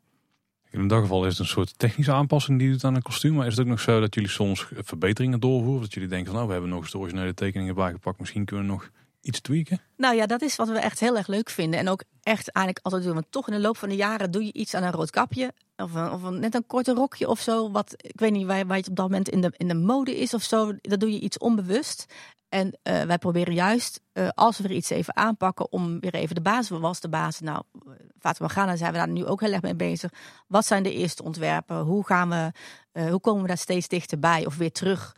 En waarom hebben eigenlijk die stof gekozen, gekozen ooit? Was toen hartstikke logisch. Nu kunnen we niet meer bedenken wat we toen logisch vonden. Probeer altijd terug te gaan. En ook als je opmerkingen krijgt van eerste lijns of van wie dan ook. het is moeilijk om een pop aan te kleden. We kunnen er niet goed bij, daar kan ik niet zoveel doen. Maar ik wij proberen het wel makkelijker te maken. En ook wat we zelf soms zelf mm, beter vinden. Je kijkt gewoon met een andere blik soms tegen dingen aan. En je moet, je moet heel uh, fris blijven kijken. En dan maakt het werk ook leuk. Ook al heb je al tien roodkapjes gemaakt. Ze zijn alle tien waarschijnlijk verschillend. en uh, je past toch dingen aan in de tand destijds. En ook, je vindt ook beter materiaal. Bijvoorbeeld dat het wel hetzelfde uitziet. Maar dat het materiaal uh, aangepast is. Wat gewoon veel, of duurzaam, vaak duurzamer is belangrijk voor ons um, gewoon beter is. Dus het is ja, juist, juist wat, wat, wat bedoelden we eigenlijk ook alweer en wat is er dit nodig? Dus dat maakt het ook juist heel erg leuk. En ja, fris blijven kijken is heel belangrijk voor ons. Ja, dat zie je volgens mij met name bij Fata Morgana. Want het komt geregeld voor dat je uh, weer een boottochtje maakt in de vaat. En dat je denkt, verrek, die, uh, die figuur heeft ineens een totaal andere kledingstuk aan. Ja, nou bij de Fata Morgana zitten we Fata Morgana heeft uh, 125 pop of zo. Echt heel veel. Ze zijn hele grote jongens. En we hebben daar continu onderhoud. Dus continu wisselen daar een pop om. waar de kleding voor wordt gereinigd. Um, dus we wisselen, moet ik ook zeggen, af en toe keer met kostuum. We hebben een paar kostuums die we eigenlijk een beetje doorwisselen. Dus um, dat is er niet helemaal bij die rol. Die komt daarna weer. Maar gedurende nou, een korte tijd heeft hij even iets anders aan. Maar het is nu ook dat we dingen, uh, kostuums weer aan terugbrengen zijn zoals het was. Of proberen te verbeteren dat we nog meer die uitstraling en dat ja, volksgevoel, zeker in de eerste scènes, meer terug kunnen brengen in materiaal. Dus we zijn ook wel echt wat nieuwe dingen aan het maken. Bij live zie ik ook nog wel eens kleine aanpassingen in de kostuums. We hebben laatst het kraamhuis gedaan. En die, uh, dat, dat is een, een beetje een, lastige, omdat je dan, je moet hem echt sluiten. Um, en wat we eigenlijk niet willen natuurlijk met laaf. En uh, ja, die babytjes daar in die mandjes waren toch wel lastig. Het ziet er heel simpel uit, maar moet wel werken. En daar hebben we gedacht van, oké, we gaan weer naar de, we gaan weer de eerste tekeningen bijhalen. Klopt het eigenlijk wel? En dan uh, passen we dingen aan. Lot is zo gebleven, opa ook. Maar de kleinste eromheen hebben net wat andere stofjes of net iets meer kleur weer gekregen. Want soms vergaan de kleurloop van de jaren, die verbleken. En dan wen je eraan, dan denk je dat is normaal. En dan ga je erin verdiepen, denk je, ze hadden wel kleur. Het, was, het, hadden, het hadden een paar tintjes.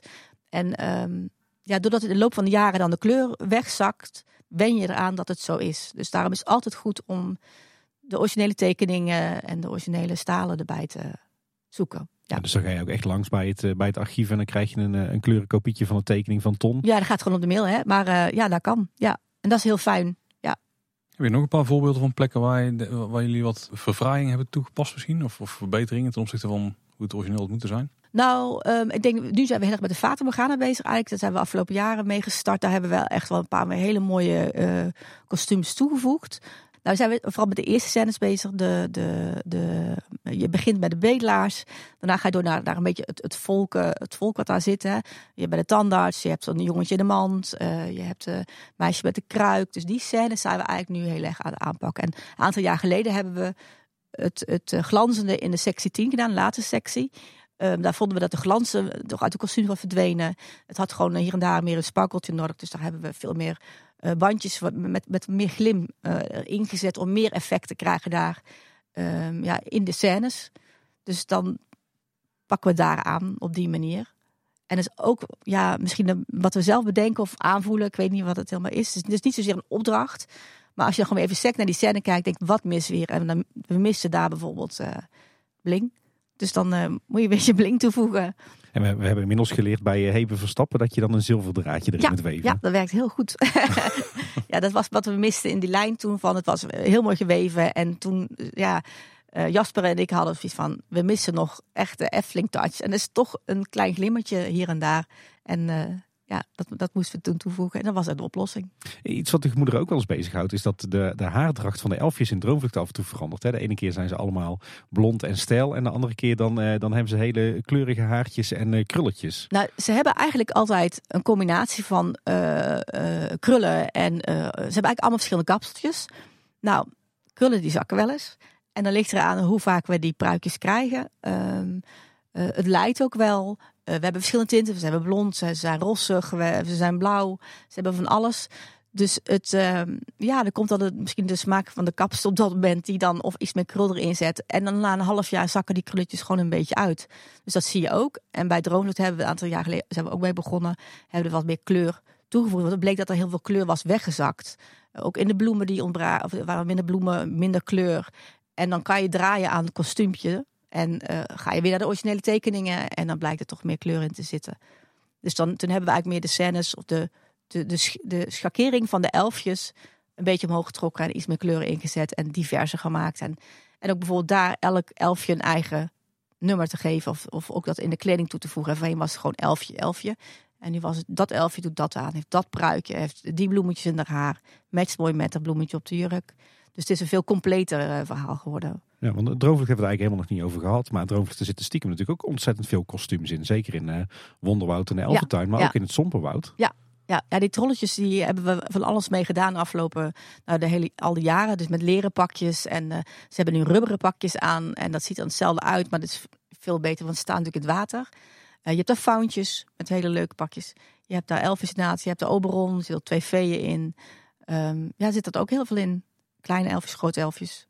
In de Fata Morgana geef je, geef je de, de, de poppen natuurlijk een kostuum zoals je verwacht dat ze die zouden dragen in de, in de Oosterse wereld. Ja. Maar ja, hoe ziet het kostuum van een faun of van een elfje of van een troll eruit? Ja, nou ja, de, de, dat, ja het is natuurlijk een totaal sprookjesachtige wereld hè, die je er hebt. En uh, Tom van de Ven heeft daar de kostuums eh, voor ontworpen en de popjes. En uh, Chantal van Beurden heeft de kostuums ontwikkeld. Dus het was er al toen ik hier kwam. Dus voor mij is dat dan heel logisch dat het zo is. Dat, het, ja, dat een elfje er zo uitziet en een faun er zo uitziet en een zomp of een troll zo eruit ziet. En die tweede schoen van Oberon is nog steeds niet gevonden? Nee, dat hoort zo, hè? daar hebben we dat, daar hebben we wat zoek, zoektochten naar gedaan, moet ik wel zeggen. Omdat iedereen daar weet. En wij ook niet wisten. en dan kom je in de loop van de jaren achter. Hij heeft zulke mooie voeten. We willen gewoon één laten zien. Oh, oh. ook een hele goede reden. dat is trouwens wel mooi. Want daar hebben we het inderdaad over Chantal van Beurden. En die schoen van Oberon. Maar het, ik, nu denk ik ineens terug aan de documentaire Dromen met, uh, met open ogen. Daar wordt ook al heel veel aandacht geschonken aan de kleding en de beharing van die figuren. Ja.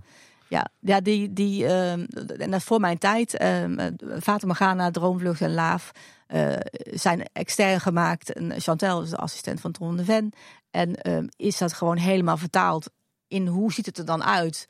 En dat is wat wij ja, overgenomen hebben. Chantal uh, heeft hier de eerste jaren nog gewerkt en daar heb ik heel veel mee samengewerkt. Dus zij kon ook wel heel goed uitleggen, wat is nou de bedoeling hiervan? Dus wij hebben daar eigenlijk gewoon voortgezet het al een paar keer gehad over het schoonmaken van de kleding. Hè? Dus dat ze af en toe worden de, de kledingstukken eraf gehaald. Dan worden er tijdelijk nieuw opgezet. Of misschien gewoon het andere setje. En dan worden ze schoongemaakt. Hebben jullie dan hier grote industriële wasmachines staan of zo? Waar alles ingaat? Of is het daar te teer voor om het daar doorheen te halen?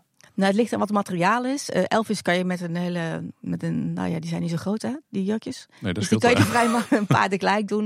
Het gaat naar de stomerij. Um, Vaten gaan kostuums zijn we iets voorzichtiger mee. Zijn ook gewoon veel groter. Uh, er worden dingen gestoomd, of dingen gewassen. Er worden dingen afgeborst met azijn bijvoorbeeld. Als we denken, nou, dat heeft, uh, het, het, is vaak ook heel stoffig. Het is niet zozeer vies van dragen natuurlijk, maar het is vaak stoffig. Dus we moeten de kleur terugkrijgen. En dat kan je met azijn ook opborstelen. Dus het is eigenlijk veel handwerk schoonmaken. Ja, ja. Ik dacht dat je ging vragen op hoeveel graden moet je een elfviertje wassen, Paul. Maar... Nee, die, dat hoef ik thuis nooit te doen. Maar wil jij het graag weten, Tim? Over de Fata Morgana gesproken. ik kan me voorstellen dat, uh, dat de onderbroek van Jin dat ook een bijzonder uh, ja, topstuk is, is. Dat is een topstuk, ja. Ja, daar moet er meteen ook een heel stellage bij gebouwd worden. Dus die, die werkt helemaal niet mee. Dus daar moeten we omhoog. En uh, dat is echt een hele onderneming. Ja, maar dat kan ook. Die is, die is trouwens in de loop der jaren ook al veranderd. Van heel strak tot, uh, tot heel erg uitgezakt en alles ertussen. Ja, maar dat heeft ook te maken met wat de ontwerptekening was. En hoe je hem erop krijgt of zo. Dus je bent, uh, we hebben daar niet echt zeg maar, een reservepak voor liggen. Dus als we hem doen, dan is hij, wordt hij ook gelijk vernieuwd. Omdat er dat enorme stellage water moet eruit. Um, het is een hele... hij is groot. Over grote stukken gesproken. Ik denk dat de winterjassen van de wachters van de Indische waterlelies... daar ging ook eigenlijk wat stof in. Ja, ja die hadden we vroeger. Hè? Dat was ook leuk. Ja. ja, die moesten we echt gewoon in elkaar... Maar die moesten in elkaar spelden. Want dat krijgen we niet gesloten. Dus die spelden we met een, ja, met een hoogwerkertje. werd hij er gewoon omheen gehangen. Ook echt super leuk uit. Die winterefteling jas van uh, de wachters. Ja, wat dat betreft bracht de winter Efteling jullie natuurlijk ook alweer een nieuwe dimensie in jullie werk. Ja, Ja, gewoon, dan, dan maak je het gewoon extra leuk mee. Hè? Dat was ook de hoofdreden. Dat, we, dat was de insteek eigenlijk toen we mee begonnen van... wat gaan we de winter laten zien? Nou ja, waar kunnen we echt mee de fun? Wat vinden we eigenlijk zelf, eigenlijk, wat vinden we zelf leuk? Dat vinden we altijd wel heel belangrijk iets ook. Het lijkt ons zo grappig als een kabouter een das om heeft... en als langnek een muts krijgt. Dus zo hebben we ingestoken. Wat zouden wij leuk vinden om te zien als je Sprookjesbos een laaf loopt... Uh, in de winter wat je kan doen. En nu is het gewoon normaal. En uh, ja, breiden we dat ook uit hè, dit jaar met, uh, met die ontwerper Bas, die wat nieuwe dingen voor het Sprookjesbos heeft bedacht. En ja, hebben we Trollenkoning winterslofjes gegeven. En de ezel heeft een mooi winterdekje gekregen in plaats van een gewoon dekje. Dus ja, we gaan daar gewoon wel lekker mee door. Ja, dat komt ook uit jullie koker dus. Ja, als het stof te maken heeft, komt bij ons vandaan we, hebben nu al, eh, we hebben ons nu vooral gefocust op, op jullie werk voor de, de poppen en animatronics in het park. Zijdelings hebben we het ook al gehad over, over theater en, entertainment. Maar um, als we daarnaar kijken, um, wat zijn dan de verschillen? Wat, wat doen jullie dan anders als het gaat om de kleding die jullie maken voor de, de, de theatershows of voor de entertainment acts in het park? Nou, het grote verschil tussen die twee groepen is alleen al dat een theatershow in theater staat. Dat is binnen. Uh, daar komt licht op en het, het, is een, het is een show vaak. Dus het heeft met heel veel dingen te maken. Het heeft een decor of geen decor. Het heeft ja, uh, ja welk verhaal je daarmee wil vertellen. Um, maakt uit. De afstand uh, met publiek is vaak groter. Het is bij Caro dan niet zo, maar het is bij een normale voorstelling wel, weer wel. Um, wat in het park rondloopt, entertainment in het park rondloopt of bij een diner te zien is, is gewoon daglicht te zien. En uh, je staat ernaast. Dus je kan alle details zien. Maar we hebben ook geen decor daar. Dus je moet eigenlijk in de kostuum eigenlijk een heel verhaal vertellen. Dus je hebt daar um, ja, een soort decor in je, in je kostuum of in je jurk. Uh, om, om uit te leggen wat, wat die persoon is. Um, uh, je hebt ander licht. Je hebt met, met binnen en buiten te maken. Je hebt met regen te maken. Je hebt met mooi weer te maken. Dus je hebt heel veel praktische dingen waar ook nog mee te maken moeten, moeten hebben om uh, het werkbaar te maken voor die acteur. En dezelfde look en feel te hebben, terwijl het gewoon misschien uh, een winterjas is of een zomer, of zomerjurkje. Dat is dan verschil. In theater hoef ik geen zomer- of winterversies te maken omdat zij het koud hebben of warm hebben. Dan moet ik het doen als ik een winterscène speel. En dan moet ik die winterscène eigenlijk zo winters mogelijk laten lijken, maar dat het niet te warm is, want anders... Uh, krijg van die rode koontjes op het podium. Snap je? Dus ja. daarmee speel je. En ook uh, in het park, uh, daar moet allemaal, ja, daar wordt zoveel gereinigd. Uh, wordt elke dag dagelijks hebben acts, acts die één keer in de week hier te zien zijn. En een musical of een show is, is anderhalf uur misschien of vijf kwartier. Dat is ook al anders. Dus het heeft heel erg te maken, wat doe je waarvoor? Um, hoeft iemand alleen, alleen maar in te spelen. Dat is ook een vak om te spelen. Maar is het ook nog een zanger of is het ook nog een acrobaat? Staat hij binnen of buiten? Dat maakt ook nog allemaal heel veel uit. Hoe je het moet maken. Moet je, moet je daarbij een andere discipline voor hebben om bijvoorbeeld um, kleding voor acrobaten of zo te maken? Nee, dat, dat kunnen wij zelf. Maar we overleggen gewoon veel met een acrobaat. Je kiest dan één iemand uit die dan je proefmodel wordt. En dan test je gewoon op. En die geeft aan wat er kan en wat er niet kan. En uh, dan kom je daar een heel eind uit hoor. Maar voor een pop, uh, Pinocchio zit ook aan een mens. Dan moet je ook met, met een mens proberen van werkt dit? En kan je ermee spelen? En uh, werkt voor de pop, weet je wel. We hebben daarna onderhoud. Van, die pop moet wel in stand blijven. Dus dat uh, is allemaal gewoon uitproberen. En overleggen en uitproberen. Ziet het hele ontwerpproces bij uh, kleding voor uh, theatershows en entertainment er nou anders uit dan het ontwerpproces van kleding voor de pop en de animatronics in het park? Ja, dat is wel anders. Want eigenlijk is een, een, een, een animatronic voor een, een attractie wordt eigenlijk van tevoren helemaal bedacht. En bij theater heb je nog een heel stuk ontwikkeling. Uh, dan ga je een bepaald showtje bedenken. We, gaan, we zien daar een dans of we zien daar deze scène. Maar die scène heeft nog iets nodig. Uh, dat doe je in een attractie veel minder, want dan moet alles. Nou, de kabels moeten er al liggen, bijvoorbeeld. Dus je kan zeggen, ik vind daar, ik wil er tien in plaats van één. Dat kan dan niet meer. Dat kan niet meer in je budget en dat kan niet meer, gewoon dat het er niet meer gemaakt kan worden. In theater we onszelf ook een beetje de ruimte in die montage. Daarom heet dat een montageperiode. Of met, vaak is een week ligt aan wat die show is. Kan ook een dag zijn trouwens maar een montage. En daarmee ga je, je zei, tweaken. Dan ga je denken, nee, die scène moeten we hebben en daar hebben we dat voor nodig. Of die scène werkt niet, dan is het jammer van je kostuums. En dan is het even slikken en dan haal het eruit. Of ik gooi alles in de verf of zo, weet je wel. Ik moet dan met, met juist, juist die montage, dat is die extra periode, stem je het af en maak je het verhaal. En merk je ook uh, of het werkt. Je zit in een box met z'n allen, dus um, het publiek gaat ook reageren. Dus daar, je, voelt dan ook wat gaat vallen. Dus je bent veel meer op de emotie ook bezig. Um, en dan moet je nog aan dingen kunnen draaien. En een attractie is toch echt veel meer van tevoren bedacht. zo gaan we het doen. En dan wordt op het laatste stukje, wordt natuurlijk gewoon technisch en zo licht. En worden dingen afgestemd, maar je gaat niet, geen radicale dingen doe je bijna meer. En dus jullie werk bij eh, de, de theaterproductie en entertainment is echt actie-reactie. Dat is Ja, heel veel ad hoc ja. en... eh, Nou, dat is gewoon aanvoelen eigenlijk wat er dan gebeurt, wat het nodig heeft. Dus dat stukje montage heb je dan nog heel erg nodig. En dan maak je het, daarmee maak je het af. En dat, is- dat is een wezenlijk verschil eigenlijk. In jouw 30 jaar bij de Efteling zijn er denk ik honderden theatershows, eh parkshows, eh, entertainment acts, straattheater geweest in de Efteling. Wat zijn wat jou betreft zo wat hoogtepunten in kleding voor bepaalde acts? Je had het al even over de Wilde Bosuitbijen, maar Die zijn wereldberoemd, hè. Ehm, nou ja, Karel is natuurlijk een hele, hele, hele, een hele grote jongen en was heel tof om te doen. Eh, ik heb ook een keer uh, Cenerentela Opera Zuid mogen ontwerpen. Was ook een hele ervaring. Ehm, ik vond uh, Hoedemaker Maartse Haas van afgelopen jaar, dat was ook qua niveau van kostuum was zo tof. Ik vind de familie Charlatan ook heel erg leuk. Um, ook hele mooie kostuums. Leuk verhaal. Goede types hebben daarvoor. Ja, toch een van de laatste dingen die je doet, is altijd toch het grootste hoogtepunt of zo. Ja. Want, uh, en elke keer mogen we, weer, we mogen gewoon elke keer weer hele mooie dingen doen. Ja, dat is echt. Uh, dus dat, het laatste is het leukst. Ja, ik wou net zeggen, ik hoor geen enige echte Efteling van Varen of andere acts van heel ja, dat was ook leuk. Ja, maar dat is weer zo lang geleden. Dat is, dat is ook. Ja, het is al 30 jaar en dat klinkt heel lang, maar ik, ik ben nu bezig. Hè? En we, hebben, we zijn nu met deze projecten bezig. Of dit hebben we laatst of recent gedaan. En dat, dat is het eerste wat ik dan aan denk. En we hebben ook weer veel meer geleerd sinds die, eh, die enige echte Efteling ervaren. We zijn van varen, we zijn zoveel uh, beter geworden. En uh, de coupeuses en de kleedsters en ik, wij hebben ons gewoon door mogen ontwikkelen. Dus we staan weer op een heel ander niveau dan toen. Zou je ook kunnen zeggen dat de laatste jaren ook, ook meer uh, aandacht en, en tijd en geld is voor de, de kostuums behorende bij die entertainment acts? Ja, nou is eigenlijk de laatste jaren juist weer iets minder we corona hebben gehad. Dus was meer de vraag, wat heb je liggen? Dat was wel jammer, maar uh, was ook meer heel functioneel. En uh, we willen de kosten behapbaar maken. En we hebben ook echt veel mooie kostuums in de opslag waar je straks ook aan refereerde. Het, het, is, het is een beetje samen opgegaan. Ik denk dat we altijd veel film. Nou, vroeger maakten we ook series, hè, televisieseries. Dat hebben we de laatste jaren niet meer gehad. Nu zijn er meer wat kortere making-ofs. Zijn ook weer superleuk om te doen.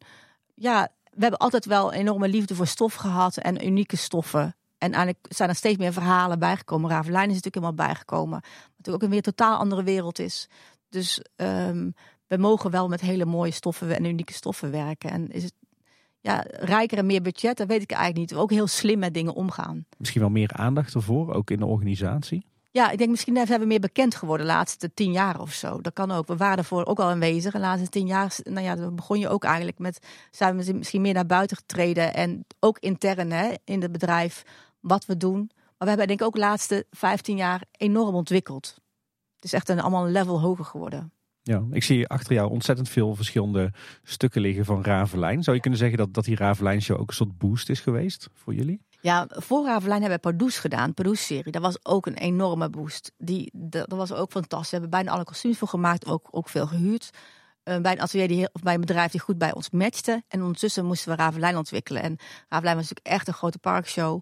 Um, um, ik wist nog niet hoe ik het moest gaan doen. Ik, ik, zat er wel heel erg mee, omdat we heel veel, wat je ziet, de kragen en de armkappen, die zijn vormgegeven. En laat ik ze vormgeven. We kunnen heel goed vormgeven hier.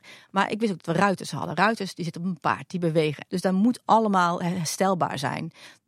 Dat moet draagbaar zijn. Dus toen had het eigenlijk in huis ontwikkeld. En ik zei, nou, dat gaan we toch niet doen. Ik moet ergens anders zijn. En toen ben ik bij een bedrijf in Rome terechtgekomen. Die uh, gespecialiseerd is in leerwerk voor films. En die hebben onder andere Gladiator gemaakt. En die kunnen dat. Dus ik ben naar hun toe gegaan. En die wisten ook, ja, stunten. Een helm is een. Ze moeten ermee kunnen vallen. Het moet ook praktisch zijn. Zonder dat er een enorm ding op hun hoofd komt te staan. En zij kunnen dat, ja, die beleiding en zo. Wat je daar ziet, heel mooi, uh, mooi maken. Dus ik ben uiteindelijk naar hun gegaan. En die hebben daar al die armen, beenkappen, helmen en zo gemaakt. En ik liep tegen het juiste kleur uh, en juiste materiaal aan uh, op een stoffenbeurs in Parijs met leer. Die precies goed was, precies goed gevouwen was. Dus die beurs begon om tien uur, om elf uur had ik het en toen kon ik aan de thee van... Ik heb echt mijn geld opgebracht hier. Want ik heb nu de oplossing, de sleutel. En toen wist ik ook waar we heen moesten. En de raaflijn inderdaad, door de aantallen kostuums, uh, Samira's, het, de, de, de bandelingen, de uitdrukking in stoffen. Het was leer en linnen en ja, dat was zo lekker om te doen. En dat was ook wel, ja, die twee, die twee zijn eigenlijk de grote stap geweest, denk ik, voor ons om nog verder te ontwikkelen en, uh, en dan gewoon die lijn gewoon vol te houden. Ja, daar, daar heb je zelfs natuurlijk textiel of kleding voor paarden moeten ontwikkelen. Ja, dan moesten ook een paardendeken maken. Had ik nog nooit gedaan. Ik heb dan ook destijds al bij het Textielmuseum gewerkt om de ridders hebben zo'n Maliën kolder, hè? Dus van die ringetjes. Maar ik wilde iets hebben wat erop leek en wat je mee bepaard kon zitten en wat de was was. En dus hebben daar uh, modellen gebreid, een stof ontwikkeld eigenlijk, een breisel. Um, die bleek toch niet helemaal prettig te zijn in het, uh, in het dragen. Dus toen hebben we die breisels geprint hangt daar ook een voorbeeldje van, die rode daar. Die hebben, die hebben ge ingescand en die printen we gewoon op heerlijke t-shirt stoffen. Die gewoon goed wasbaar zijn, lekker fijn, lekker zitten. Dus de ontwikkeling daarin was ook nog heel erg groot. Dat was heel tof aan Ravelijn ook. Ja, maar het is wel zo dat we dat, dat, dat, dat de, de grote boosts en die twee producties eigenlijk waren. Je bent stiekem dus wel veel aan het innoveren qua kleding. En... Ja, dat, dat, dat, dat kan in onze business. En het is ook, uh, nou ja, daar maakt het leuk. En daardoor probeer je ook elke keer met iets nieuws ja, iets nieuws te maken. En daardoor, het moet ook steeds iets anders zijn. Het moet een ander gevoel hebben. Dus je moet elke keer rondkijken. Uh, het mag wel oud lijken, maar het hoeft niet oud te zijn. Hè? Zeker waar. En over innoveren gesproken, jullie hebben natuurlijk recent zelfs met asters leren weven. Ja, ja dat was ook een heel. Eh, dat heeft Marij Gravenstein samen met Sander ontwikkeld hoor. Van hoe, dus leuk hè, dit verhaal. En we willen, willen dat het eh, meisje kan breien daarmee. En eigenlijk is het een beetje lichthaken geworden. Maar hoe gaan we van die asters een hemdje maken voor haar broers? Hè? En uh, ja, dat is gewoon testen. Dat is gewoon wekenlang testen, proberen, denken, rondkijken. Echte asters, geen echte asters. Wat, zie je? Wat er blijft er over? Wat is haar houding? Hoe brei je eigenlijk? Hoe breidt een pop? Dus die pop, Marije is gaan breien als voorbeeld van hoe hou je die naalden vast? Dat moet wel echt ogen. En dan moet iets aan. Het moet magisch zijn. Ik moet ook kunnen, kunnen wisselen. ja, dus we hebben, er zijn twee hele mooie hemdjes gebreid met allemaal techniek erin en zo. En uh, ja, maar daar zijn we eigenlijk wel. We hebben daar ook de tijd voor genomen. We, hebben, we zijn daar denk ik wel twee of drie maanden mee bezig geweest. En elke week gewoon een momentje van is dit het? En uh, Sander had ideeën, Marij had ideeën. Proberen we het gewoon weer even uit. Dus ja, dat, dat is daardoor een heel uniek uh, sprookje geworden. Maar ik neem aan dat er niet uh, stelen van echte asters uh, verwerkt zijn in die breisels. Ja, dan moeten we heel vaak water geven daar. Hè. Lijkt me een beetje onhandig. en weinig licht. Asters zullen ook licht nodig hebben. Ja. Maar wat, wat hebben jullie daar uiteindelijk toegepast om dat te benaderen?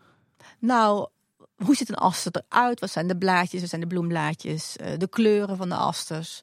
Um, ja, het is natuurlijk gewoon synthetisch, moet ook praktisch zijn. Maar het moet wel het, het moet verhaal vertellen. En de overgang en uh, naar de asters die daar uh, ingeplant staan hè, in een, een, soort grot. En het is, eigenlijk is, bereidt het niet helemaal, ze haken het eigenlijk. Maar de bewegingen en ja, het moest gewoon zo gedaan worden om dat effect te krijgen. Superleuk. Is ook een hele mooie jurk aan trouwens. Mooie pruik trouwens ook. Een heel mooi meisje. Ja, zeker. Ja. Met een mooie vlecht. Zo mooi kan ik ja. niet vlechten hoor thuis. Nee, dat is echt uh, professioneel werk dit. Hè? Ja, het voordeel is het maar één keer te gebeuren en dan zit hij weer heel lang heel goed. Ja, en een paar mooie bloemetjes erbij, dus ook lastig. Ja.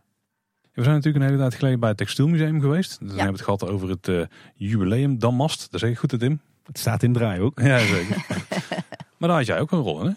Ja, uh, Jasper Douwenburg heeft het ontworpen. Die heeft uh, de, de, de, sprookjes uh, echt helemaal opnieuw ontworpen. We zijn daar eerst natuurlijk, hè, wat Hebe ook had verteld, om uitgelegd gekregen hoe dat werkte. Damas, ik kende Damas natuurlijk al wel, omdat wij ook bij Klaas Vaak hier een Damas hemd hebben ontwikkeld jaren daarvoor. Um, en we zijn daar, ik denk toch wel een dag of vijf bezig geweest. En van tevoren dachten we, nou dat is echt veel te veel tijd natuurlijk. Maar je hebt een tafelkleed en een loper en uh, servetten en uh, theedoeken. Um, en dan mijn rol daarin is echt gewoon het, het, uh, ja, het stoffige, de, de wevingen en meekijken van hoe kan je dat vertalen en kleuren en hoe reageert een stof. Dus Jasper weet er niets van stoffen en ik dan weer wel. En dan, ja, dat was gewoon een hele, hele leuke combinatie samen. En alles, ja, alles moet getest worden. Hè? Het moet gewassen worden, wat je hebt gehoord. Het moet, uh, ja, elke weving, uh, manier van weven, ontstaat er weer ja, de volgende uitdaging. Hij kan meer krimpen of hij gaat bobbelen of de tekening werd niet duidelijk. Dus je gaat helemaal uitpluizen uh, hoe je, ja, wat voor weefmethode. Ja, het weven is, maar de, de manier van weven eigenlijk uh, met een klein ruitje of een streepje bijvoorbeeld. Dat zijn de details die je helemaal uit moet vogelen. Uh, om te zien of uh, de paddenstoel nog goed zichtbaar was. En we kwamen ook de plek achter dat we natuurlijk nog wat geintjes erin kwijt wilden. En een glittertje. En uh, er moet toch zeker hier en daar nog een vogeltje die je niet ziet. Of een konijntje te zien zijn. Er moet iets magisch nog zijn. Uil vinden we ook leuk. Dus die hebben er nog ingezet. En dat deed Jasper allemaal. ja, die kan het supergoed ontwerpen. Dus dat is een hele leuke productie daardoor. En ja, ook een heel mooi resultaat. Maar het allereerste idee daarvan, dat, dat kwam bij jou vandaan. Ja, ik was uh, vijf jaar geleden 25 jaar in dienst. En ik had eigenlijk bedacht, ik uh, vind het eigenlijk veel leuker om in plaats van iets te krijgen van de Efteling, want ik werk daar al zoveel jaar met plezier, om iets te geven aan de Efteling. En ik vond echt dat het ontbrak aan een mooie theedoek. en toen heb ik met mijn team, we hebben een groepsopdracht van gemaakt. We hebben allemaal namelijk, we zijn allemaal heel creatief en hebben heel veel ideeën. Hebben met z'n allen eigenlijk bedacht, hoe gaat die theedoek eruit zien? En dan was natuurlijk het theedoek met roodkapje erop. En uh, inblokken van het Brabantse, Brabantse vlag natuurlijk. En met allerlei details die, uh, die wij kennen. En die hebben mensen met elkaar gemaakt. En daar hebben we geloof ik honderd maar van geweven. En die heb ik eigenlijk aan de Efteling gegeven. En uh, natuurlijk aan onszelf. Um, als cadeau van, goh, weet je wel, we hebben dit plan bedacht. Dit kan, dit zijn de mogelijkheden. We weten wat het kost.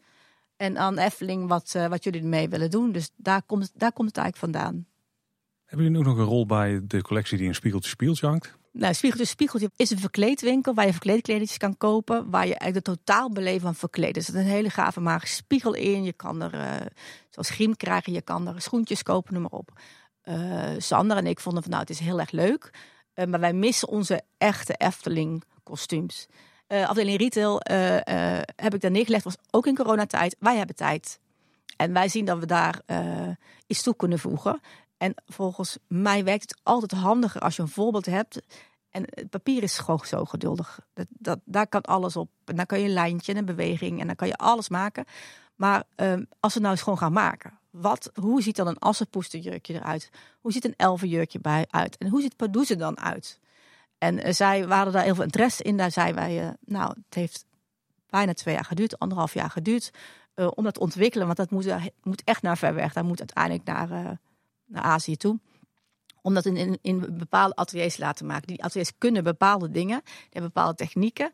Um, dus elk atelier maakt iets anders, maakt het op een andere manier. Doordat wij nu dat, uh, de voorbeelden hadden, concreet, um, zijn er echt geweldige ja, verkleedkleding uitgerold als Poester, een Elfje en Pardoes. Die gewoon ja, supergoed matchen met, uh, um, ja, hoe wij willen dat eruit ziet. Dus we hebben nu echt eigenlijk drie specials. We hadden ook al een, een, een soort riddertje, die is ook heel erg leuk. Ja, en ik vind het echt fantastisch als je nu in het park rondloopt, want we verkopen ze sinds december, hangt het in de winkel. Um, zie je gewoon af en een klein padoesje of een, of een klein assenpoestje voor, voorbij lopen met een kroontje of een tasje. En ja, super cute. Ja, we hebben nog wel een andere, eh, de Zes Zwaan heeft ook een jurkje, maar die heeft gewoon een jurkje met een zwaan, zeg maar. Dat is niet het jurkje van uh, Elisa. Dus dat zijn ook heel leuke. Dus we bemoeien, we ons eigenlijk overal mee. Ja, of we geven ideeën, want dat is ook wat de afdeling ontwerp doet. Wij werken een opdracht, wat jullie vragen gelegd. Wat is de opdracht? Maar wij mogen ook zelf dingen creëren en aangeven. Dus in dit geval eh, was Sander en ik die aangaven: goh, wij kunnen iets betekenen voor jullie. En volgens mij is dat in het productieproces en overleg met jullie leveranciers. Um, heb je iets concreets? En aan, aan hun dan hoe fluffy en hoe blingy blingy het moet zijn. En wat, zij zijn commercieel, ik ben helemaal niet commercieel. Dus ieder, ieder zijn vak. Dus zij geven aan hoe ze het willen. En wij maken het dan. En dan, ja, dat komt wel uit ons initiatief. We bemoeien ons met dingen. Zeg Carla, jij werkt uh, inmiddels dus uh, ongeveer 30 jaar bij de Efteling. Op welke kostuums ben je nou eigenlijk het meest trots? Dat is weer zo'n vraag, hè? De laatste zeker. Nee, de, de, de, de, inderdaad, de laatste inderdaad. De laatste zijn altijd het, het leukste, het mooiste, het uh, best over nagedacht. En dan denk ik bij de volgende productie denk ik precies hetzelfde. Maar op dit, op dit moment, waar ben je op dit moment dan het meest trots op concreet? Nou, de laatste eigenlijk grote die we hebben gedaan zijn de charlatans. Vind ik ook echt heel tof. En daar hebben we nu een aantal acteurs. En we zijn nu wat bij aan het maken, want er meer acteurs bij komen. Omdat een, een, een voorstelling, een ja, een, optreden is wat elke dag uh, plaatsvindt. Dus daar hebben we meerdere mensen voor nodig. En uh, wat leuke aan deze ook is dat we hem op de persoon kunnen maken. Dus uh, iedereen heeft zijn eigen kostuum en dat mag daardoor anders zijn, vind ik. Ehm, hiervoor hebben we de Hoedemaker en de Maartse Haas gehad. Dat is een karakter en die moet exact hetzelfde zijn. Dus die hebben echt geleden, want ik heb ze wollen kostuums aangegeven. En we hadden een heel mooi jaar en ze hadden het gewoon heel erg warm. In dit geval kan ik iets flexibeler zijn, is gewoon kleding kleding. En kan je het op de persoon. Dus je kan ook echt gebruiken wat iemand heeft. Acteurs met heel mooi grijze haar. Een dame met prachtige donkere krullen. En dan gebruik je wat iemand heeft. Dus dan kun je het meer persoon, ja, persoonsgebonden maken. Dat is ook weer heel erg leuk. Dus dat is wel een van de laatste hele mooie dingen die we ook hebben gemaakt. Ja, je hebt dan natuurlijk de flexibiliteit dat als het kouder wordt, dat je makkelijk een jasje of een bolleroodje of een sjaaltje Ja, gewoon toe kunt voegen. Ja, ja. dat is, dat, ja je maakt die keuze van tevoren hoe, hoe ik iets insteek. En in dit geval, eh, nou, zij blijven komende jaar rondzwerven rondom DMC. Dus ehm, ja, misschien verandert het nog wel of vinden ze nog iets wat ze aan hun kleding toevoegen. Dat weet je nooit bij hun. Maar je, gaat het, je probeert het verhaal te vertellen. En dan proberen we in, eh, in eh, ja, filmpjes te doen. Dan proberen we in een parkact te doen. En dat ont- ontwikkelt zich ook weer. Was nou wat jou betreft echt een hoogtepunt geweest in alles wat je nu hebt mogen doen? Misschien een project dat er echt bovenuit sprong? Wat was het in 96, de Sprookjesmusical? Ja, dat was natuurlijk belachelijk groot. Dat was, was, dat was zo'n. ehm, eh, daar, heb, daar heb ik zoveel geleerd. Dat was ook echt wel een enorme hoogtepunt. En ik denk bij met Opera Zuid was het heel erg dat ik als ontwerper echt als ontwerper moest op ja, fungeren. Daar, daar leef ik een plan aan bij een ander atelier.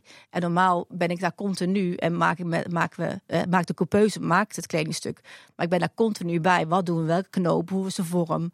Eh, dat ontwikkelde samen. En nu moest ik dat scheiden. Dat was, dat was wel echt ook een heel leerproces. Hoe, hoe pak ik dat aan en hoe wordt er naar mij gekeken? Dus dat vond ik interessant. Ja, en ook de afdeling is gewoon gegroeid. En onze positie is gegroeid. We waren, eh, zaten bij entertainment voorheen. Nu zitten we bij, eh, vallen we echt direct afdeling ontwerp. Dus voor mij als ontwerper is het nou, überhaupt dat het kostuumontwerper, dat dat een functie is en dat dat een titel is en dat dat een ontwerpdiscipline is, dat is echt wel nieuw van de laatste vier jaar of zo. En dat voegt voor mij dan persoonlijk weer heel veel toe, omdat ik gewoon, ja, ik ben ook heel nieuwsgierig. Ik zit overal bij, dat is heel interessant, maar ik kan ook iets toevoegen. En ik kan ook direct iets toevoegen en niet dat ik het hoor na een paar maanden of, oh ja, we hebben nog kostuums nodig. Ik zit nu veel dichter erbij. Dus ik weet wat er aankomt. En ehm, dat is voor mij, ik zit op een soort spinnend web, eh, omdat ik van alles doe. Dus DMC komt eraan, maar we hebben al een act. Alles moet met elkaar connecten. En we maken nog een filmpje of een making of, of een serie, maakt niet uit. Of een keer een commercial. Het moet allemaal kloppen. Dus ik moet gewoon weten wat zijn we van plan of wat zijn we aan het bedenken. En ja, je kijkt met een andere, je blikt de wereld in om die stoffen te vinden, om die figuren te vinden. En ik durf het bijna niet te vragen met jouw enthousiasme, maar is er ook een dieptepunt in eh, die 30 jaar Efteling? Nou, het zijn eigenlijk meer de persoonlijke dieptepunten. Dat, je- dat je collega's verliest. Een, een, een, een, eh, mijn leidinggevende Henk Merkelbach is overleden. Ehm, tijdens eh, ehm, de gelaarste kat overleed mijn hoedemaker. Ja, weet je, dat zijn, dat zijn echt drama's, vind ik, die, we echt, eh, die ik echt heb meegemaakt. Dan is het, eh, dan is het eh, realiseer je heel leuk werk hebt, maar dat je met hele bijzondere en hele gevoelige mensen werkt. En dat er gewoon echt hele nare dingen kunnen gebeuren. Dus ja, dat, dat, dat zijn echt meer de drama's en niet zozeer qua werk daar. Ja, we, we hebben gewoon belachelijk veel geluk dat we zo, zo vaak nou, steeds mooie dingen mogen doen. Ook in coronatijd, ook daarvoor. En het bedrijf gaat gewoon door. En er is gewoon overal kleding voor nodig. Ja, dan eh, komen ze bij ons. Je hebt al heel veel verteld over dingen die je hebt geleerd in de afgelopen jaren. Die ging heel erg over eh, eh, de kleding aan zich, denk ik. Of op de kostuums aan zich. Wat heb je verder nog geleerd in Efteling in al die tijd dat je hier zit? Nou, ehm, dat je, je doet hier niks alleen. Hè? Het is allemaal teamwerk. Het is zo fijn en zo geweldig om in een bedrijf te mogen werken. In het bedrijf, maar ook buiten het bedrijf te mogen werken. Met mensen die gewoon eh, ja, top of de bill zijn. eh, of nou animatronic bouwen is bij, met een Amerikaans bedrijf en met Garner Holt. Of dat het een, eh, een ontzettend goede regisseurs zijn. Of dat het ontzettend goede decor, decorontwerpers zijn. Hele goede zangers. hele goede, ja, dat je echt met heel veel mensen samenwerkt. Nou ja, de werkplaats hier in huis is ook fantastisch. De vormgevers, decorateurs, daar werken we heel veel samen. Je kan alles overleggen hier. Dus ik hoef het, je hoeft het nooit alleen te doen. Ik heb echt een geweldig team. eh, eh, zij maken echt al die mooie dingen. En je doet het gewoon samen. Dat is echt wel de les. Dat, dat, daarmee wordt één en één wordt altijd drie. Zeg Carla, we hebben bij, eh, bij Kleine Boodschap ontzettend veel creatieve luisteraars die zelf graag ontwerpen en tekenen. Maar we hebben ook luisteraars die zelf heel erg graag met eh, textiel in de weer zijn en, eh, en kleding ontwerpen. Heb jij nou een advies aan onze luisteraars die, die ook graag professioneel kostuums zouden willen ontwerken, ontwerpen en produceren? Bij de Efteling of bij andere pret- en themaparken of theaterproducties. Wat, wat is nou de weg die je zou kunnen bewandelen? Nou, je moet het vooral heel veel doen. Je moet het gewoon echt heel veel doen. Je moet gewoon heel veel maken. Um, we krijgen ook een heleboel mensen met vragen die. Nou, absoluut, er is heel veel interesse, wat superleuk is. Uh, maar je moet gewoon heel veel ervaring gaan krijgen. En dat is eigenlijk de enige, dat is wat wij uh, hebben. Daarom is die functies zijn ook helemaal niet veranderd. Want wij doen al die jaren hetzelfde. Maar wij zijn persoonlijk en technisch gewoon zo gegroeid uh, door het gewoon heel veel te doen. En het is gewoon ervaring. Gewoon proberen bij kleine voorstellingen, bij amateur voorstellingen, maakt niet uit. Gewoon meters maken en proberen. En uh, op jezelf, voor je vrienden. Er is heel veel uh, cosplay ook bij. ook stagiaires die dat bij ons ook, ook, doen. Gewoon maken, gewoon doen. Het lijkt me een prima match. Ja, mensen die, ja. die in hun vrije tijd met cosplay bezig ja. zijn. Dat ja. zijn natuurlijk de mensen die je eigenlijk wil hebben bij de Efteling. Ja, ja, nou ja, we hebben net een heel erg vast team. dus het heel weinig verlopen ons in. Uh, maar we hebben wel heel veel stagiaires. We hebben altijd stagiaires en heel veel zijn daar ook echt mee bezig. Uh, om in die wereld te stappen. Ja. schitterend. Ja, en dan eindigen we bij kleine boodschappen als we een gast aan tafel hebben. Eigenlijk met een setje uitsmijters altijd. Een paar vragen, daar mag je snel op antwoorden. Maar de ervaring ligt dat dat meestal niet echt lukt. en wat kom jij zelf vaak in de Efteling? Dus buiten werk? Uh, nee, niet zo. Dat is ook lastig, want je bent er al zoveel. Ja, dat komt. dat, dat, dat, is echt waar. En ook, ik zie ook wat er gewoon niet goed is. Ik vind het ook niet zo heel relaxed om, uh, om hier uh, rond te lopen. Wat ik wel heel fijn vind, is het, ja, de verschillen. Dus als er gasten zijn, vind ik het heel fijn om s'avonds nog even rond te lopen voordat we open gaan. Ik blijf het wel heel bijzonder vinden om hier te zijn hoor. Ik vind het wel heel tof als je hier in het donker rondloopt en er zijn bijna geen gasten. Of alle lichtjes staan aan in de winter Efteling. Ik vind dat, ik vind dat wel magisch. Maar ik ga niet een dag naar de Efteling. Dat, dat doe ik niet meer, want dan ben ik toch echt, dan maak ik lijstjes. Dus dat is niet gezond. Ja, we kennen het probleem. Heb je wel dat je nog wel eens naar andere pret- en themaparken gaat? Um, nou, ik ga eigenlijk vooral naar tentoonstellingen en naar andere musicals of shows. Dat is eigenlijk waar ik meest naartoe ga.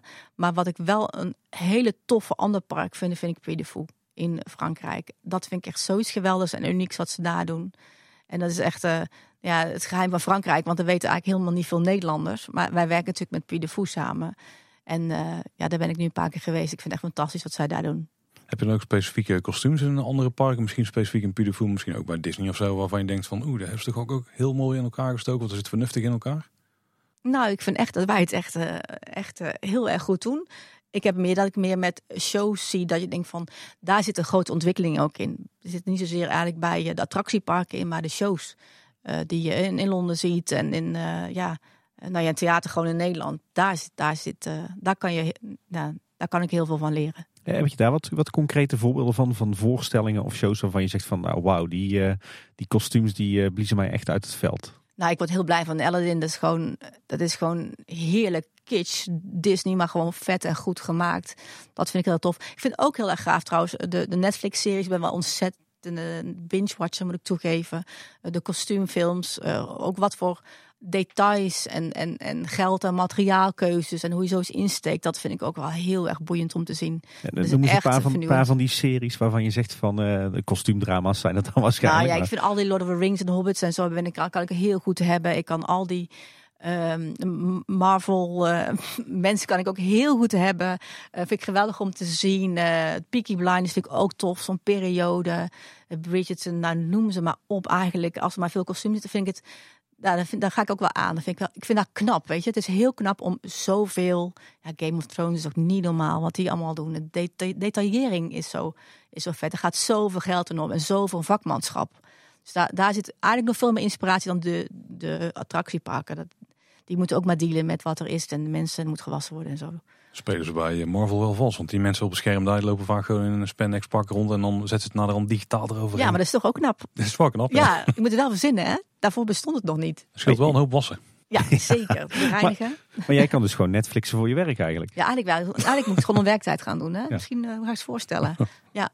Heb je binnen de Efteling een favoriete attractie? Gewoon om, om te ervaren dan. En niet per se uh, om met je bloknoot in te zitten en dan aantekeningen te maken. Ja, ik vind de Fata Morgana vind ik wel het meest magisch eigenlijk. Symbolica vind ik ook heel tof. Maar ze, ik vind het hele tof van Fata Morgana. Ja, ik heb ook veel gereisd. Dus ik heb wel iets met, uh, met die cultuur.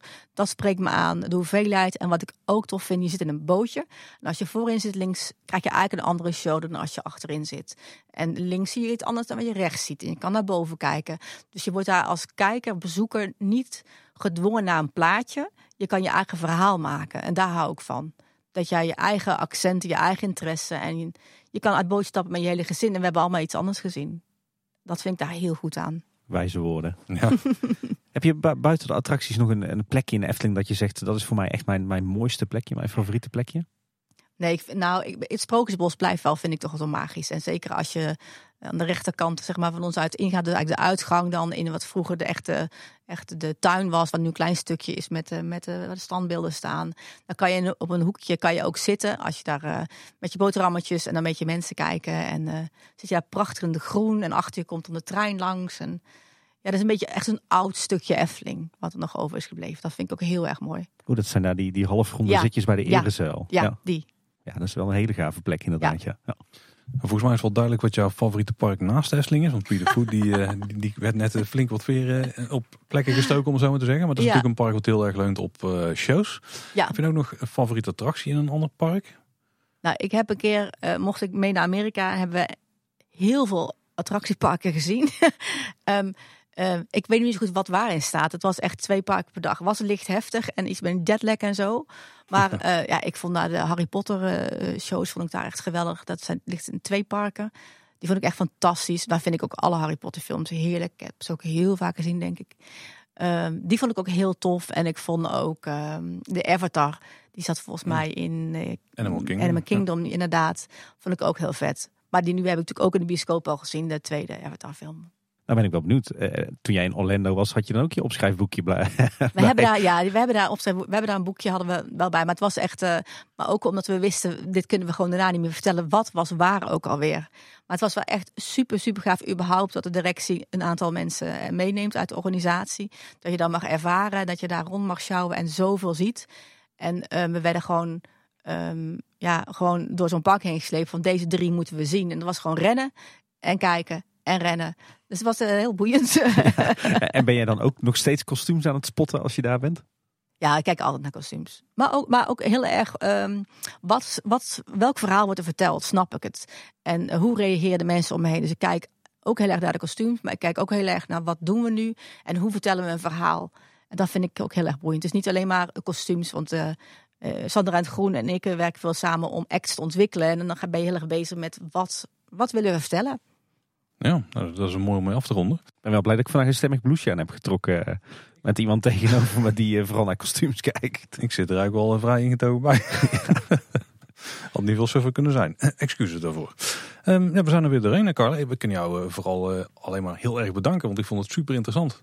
Nou, graag gedaan. Ja, echt mega leerzaam. Ik Ja. eh, wist niet dat er eh, zo'n wereld verborgen zat achter kostuums in de Efteling. Ja, nou, we krijgen natuurlijk af en toe wel een, een kleine blik achter de schermen met een blogbericht. En in een making-of komen jullie ook nog wel eens eh, Ja, langs met, ja. met een paar shots. Maar hopelijk hebben de luisteraars nu ook nog veel meer kunnen leren over wat hier allemaal gebeurt in, eh, in dit atelier hier. Ja. Heel tof. Als mensen vragen voor ons hebben, dan kunnen ze die kwijt via social media. Als je naar kleineboodschap.com slash volgen gaat, dan vind je alle plekken waar wij te vinden zijn. En ben je dan toch op de website, dan kun je er ook ons contactformulier vinden. Eh, daar kun je ook alle afleveringen vinden en luisteren waar de show notes ook bij staan. Maar we zijn ook gewoon te mailen via info.kleineboodschap.com. Ja, een kleine boodschap luister je natuurlijk in je favoriete podcast app. Doe je dat nou, zorg dan dat je je abonneert. En we zijn ook te vinden op Spotify. En wat jij al zei Paul, je kunt eh, de afleveringen ook gewoon lekker op de website luisteren. Eh, luister je ons nou in een, in app, dan vind ik het ook altijd heel leuk als je ons een rating of een review geeft. Dat kan op Spotify en bij Apple Podcast. En we vinden het ook altijd tof als je andere mensen vertelt over kleine boodschappen. En ik denk dat dit wel weer zo'n aflevering is die je misschien eens kunt neerleggen bij mensen die iets met textiel hebben. Of die in het kostuumontwerp zitten of die dat, eh, die dat ambiëren. Ja, of die gewoon überhaupt heel creatief zijn. Eh, Dan sowieso, ja. Dus eh, een goede voor dat soort mensen om eh, deze aflevering te tippen, denken we. Eh, Carla, nogmaals hartstikke bedankt dat we hier mochten zijn. Ja, graag gedaan. En bedankt voor al jouw mooie verhalen. en eh, luisteraars, dat was weer voor deze week. Bedankt voor het luisteren. Tot de volgende keer. En houdoe. Houdoe waar. Houdoe.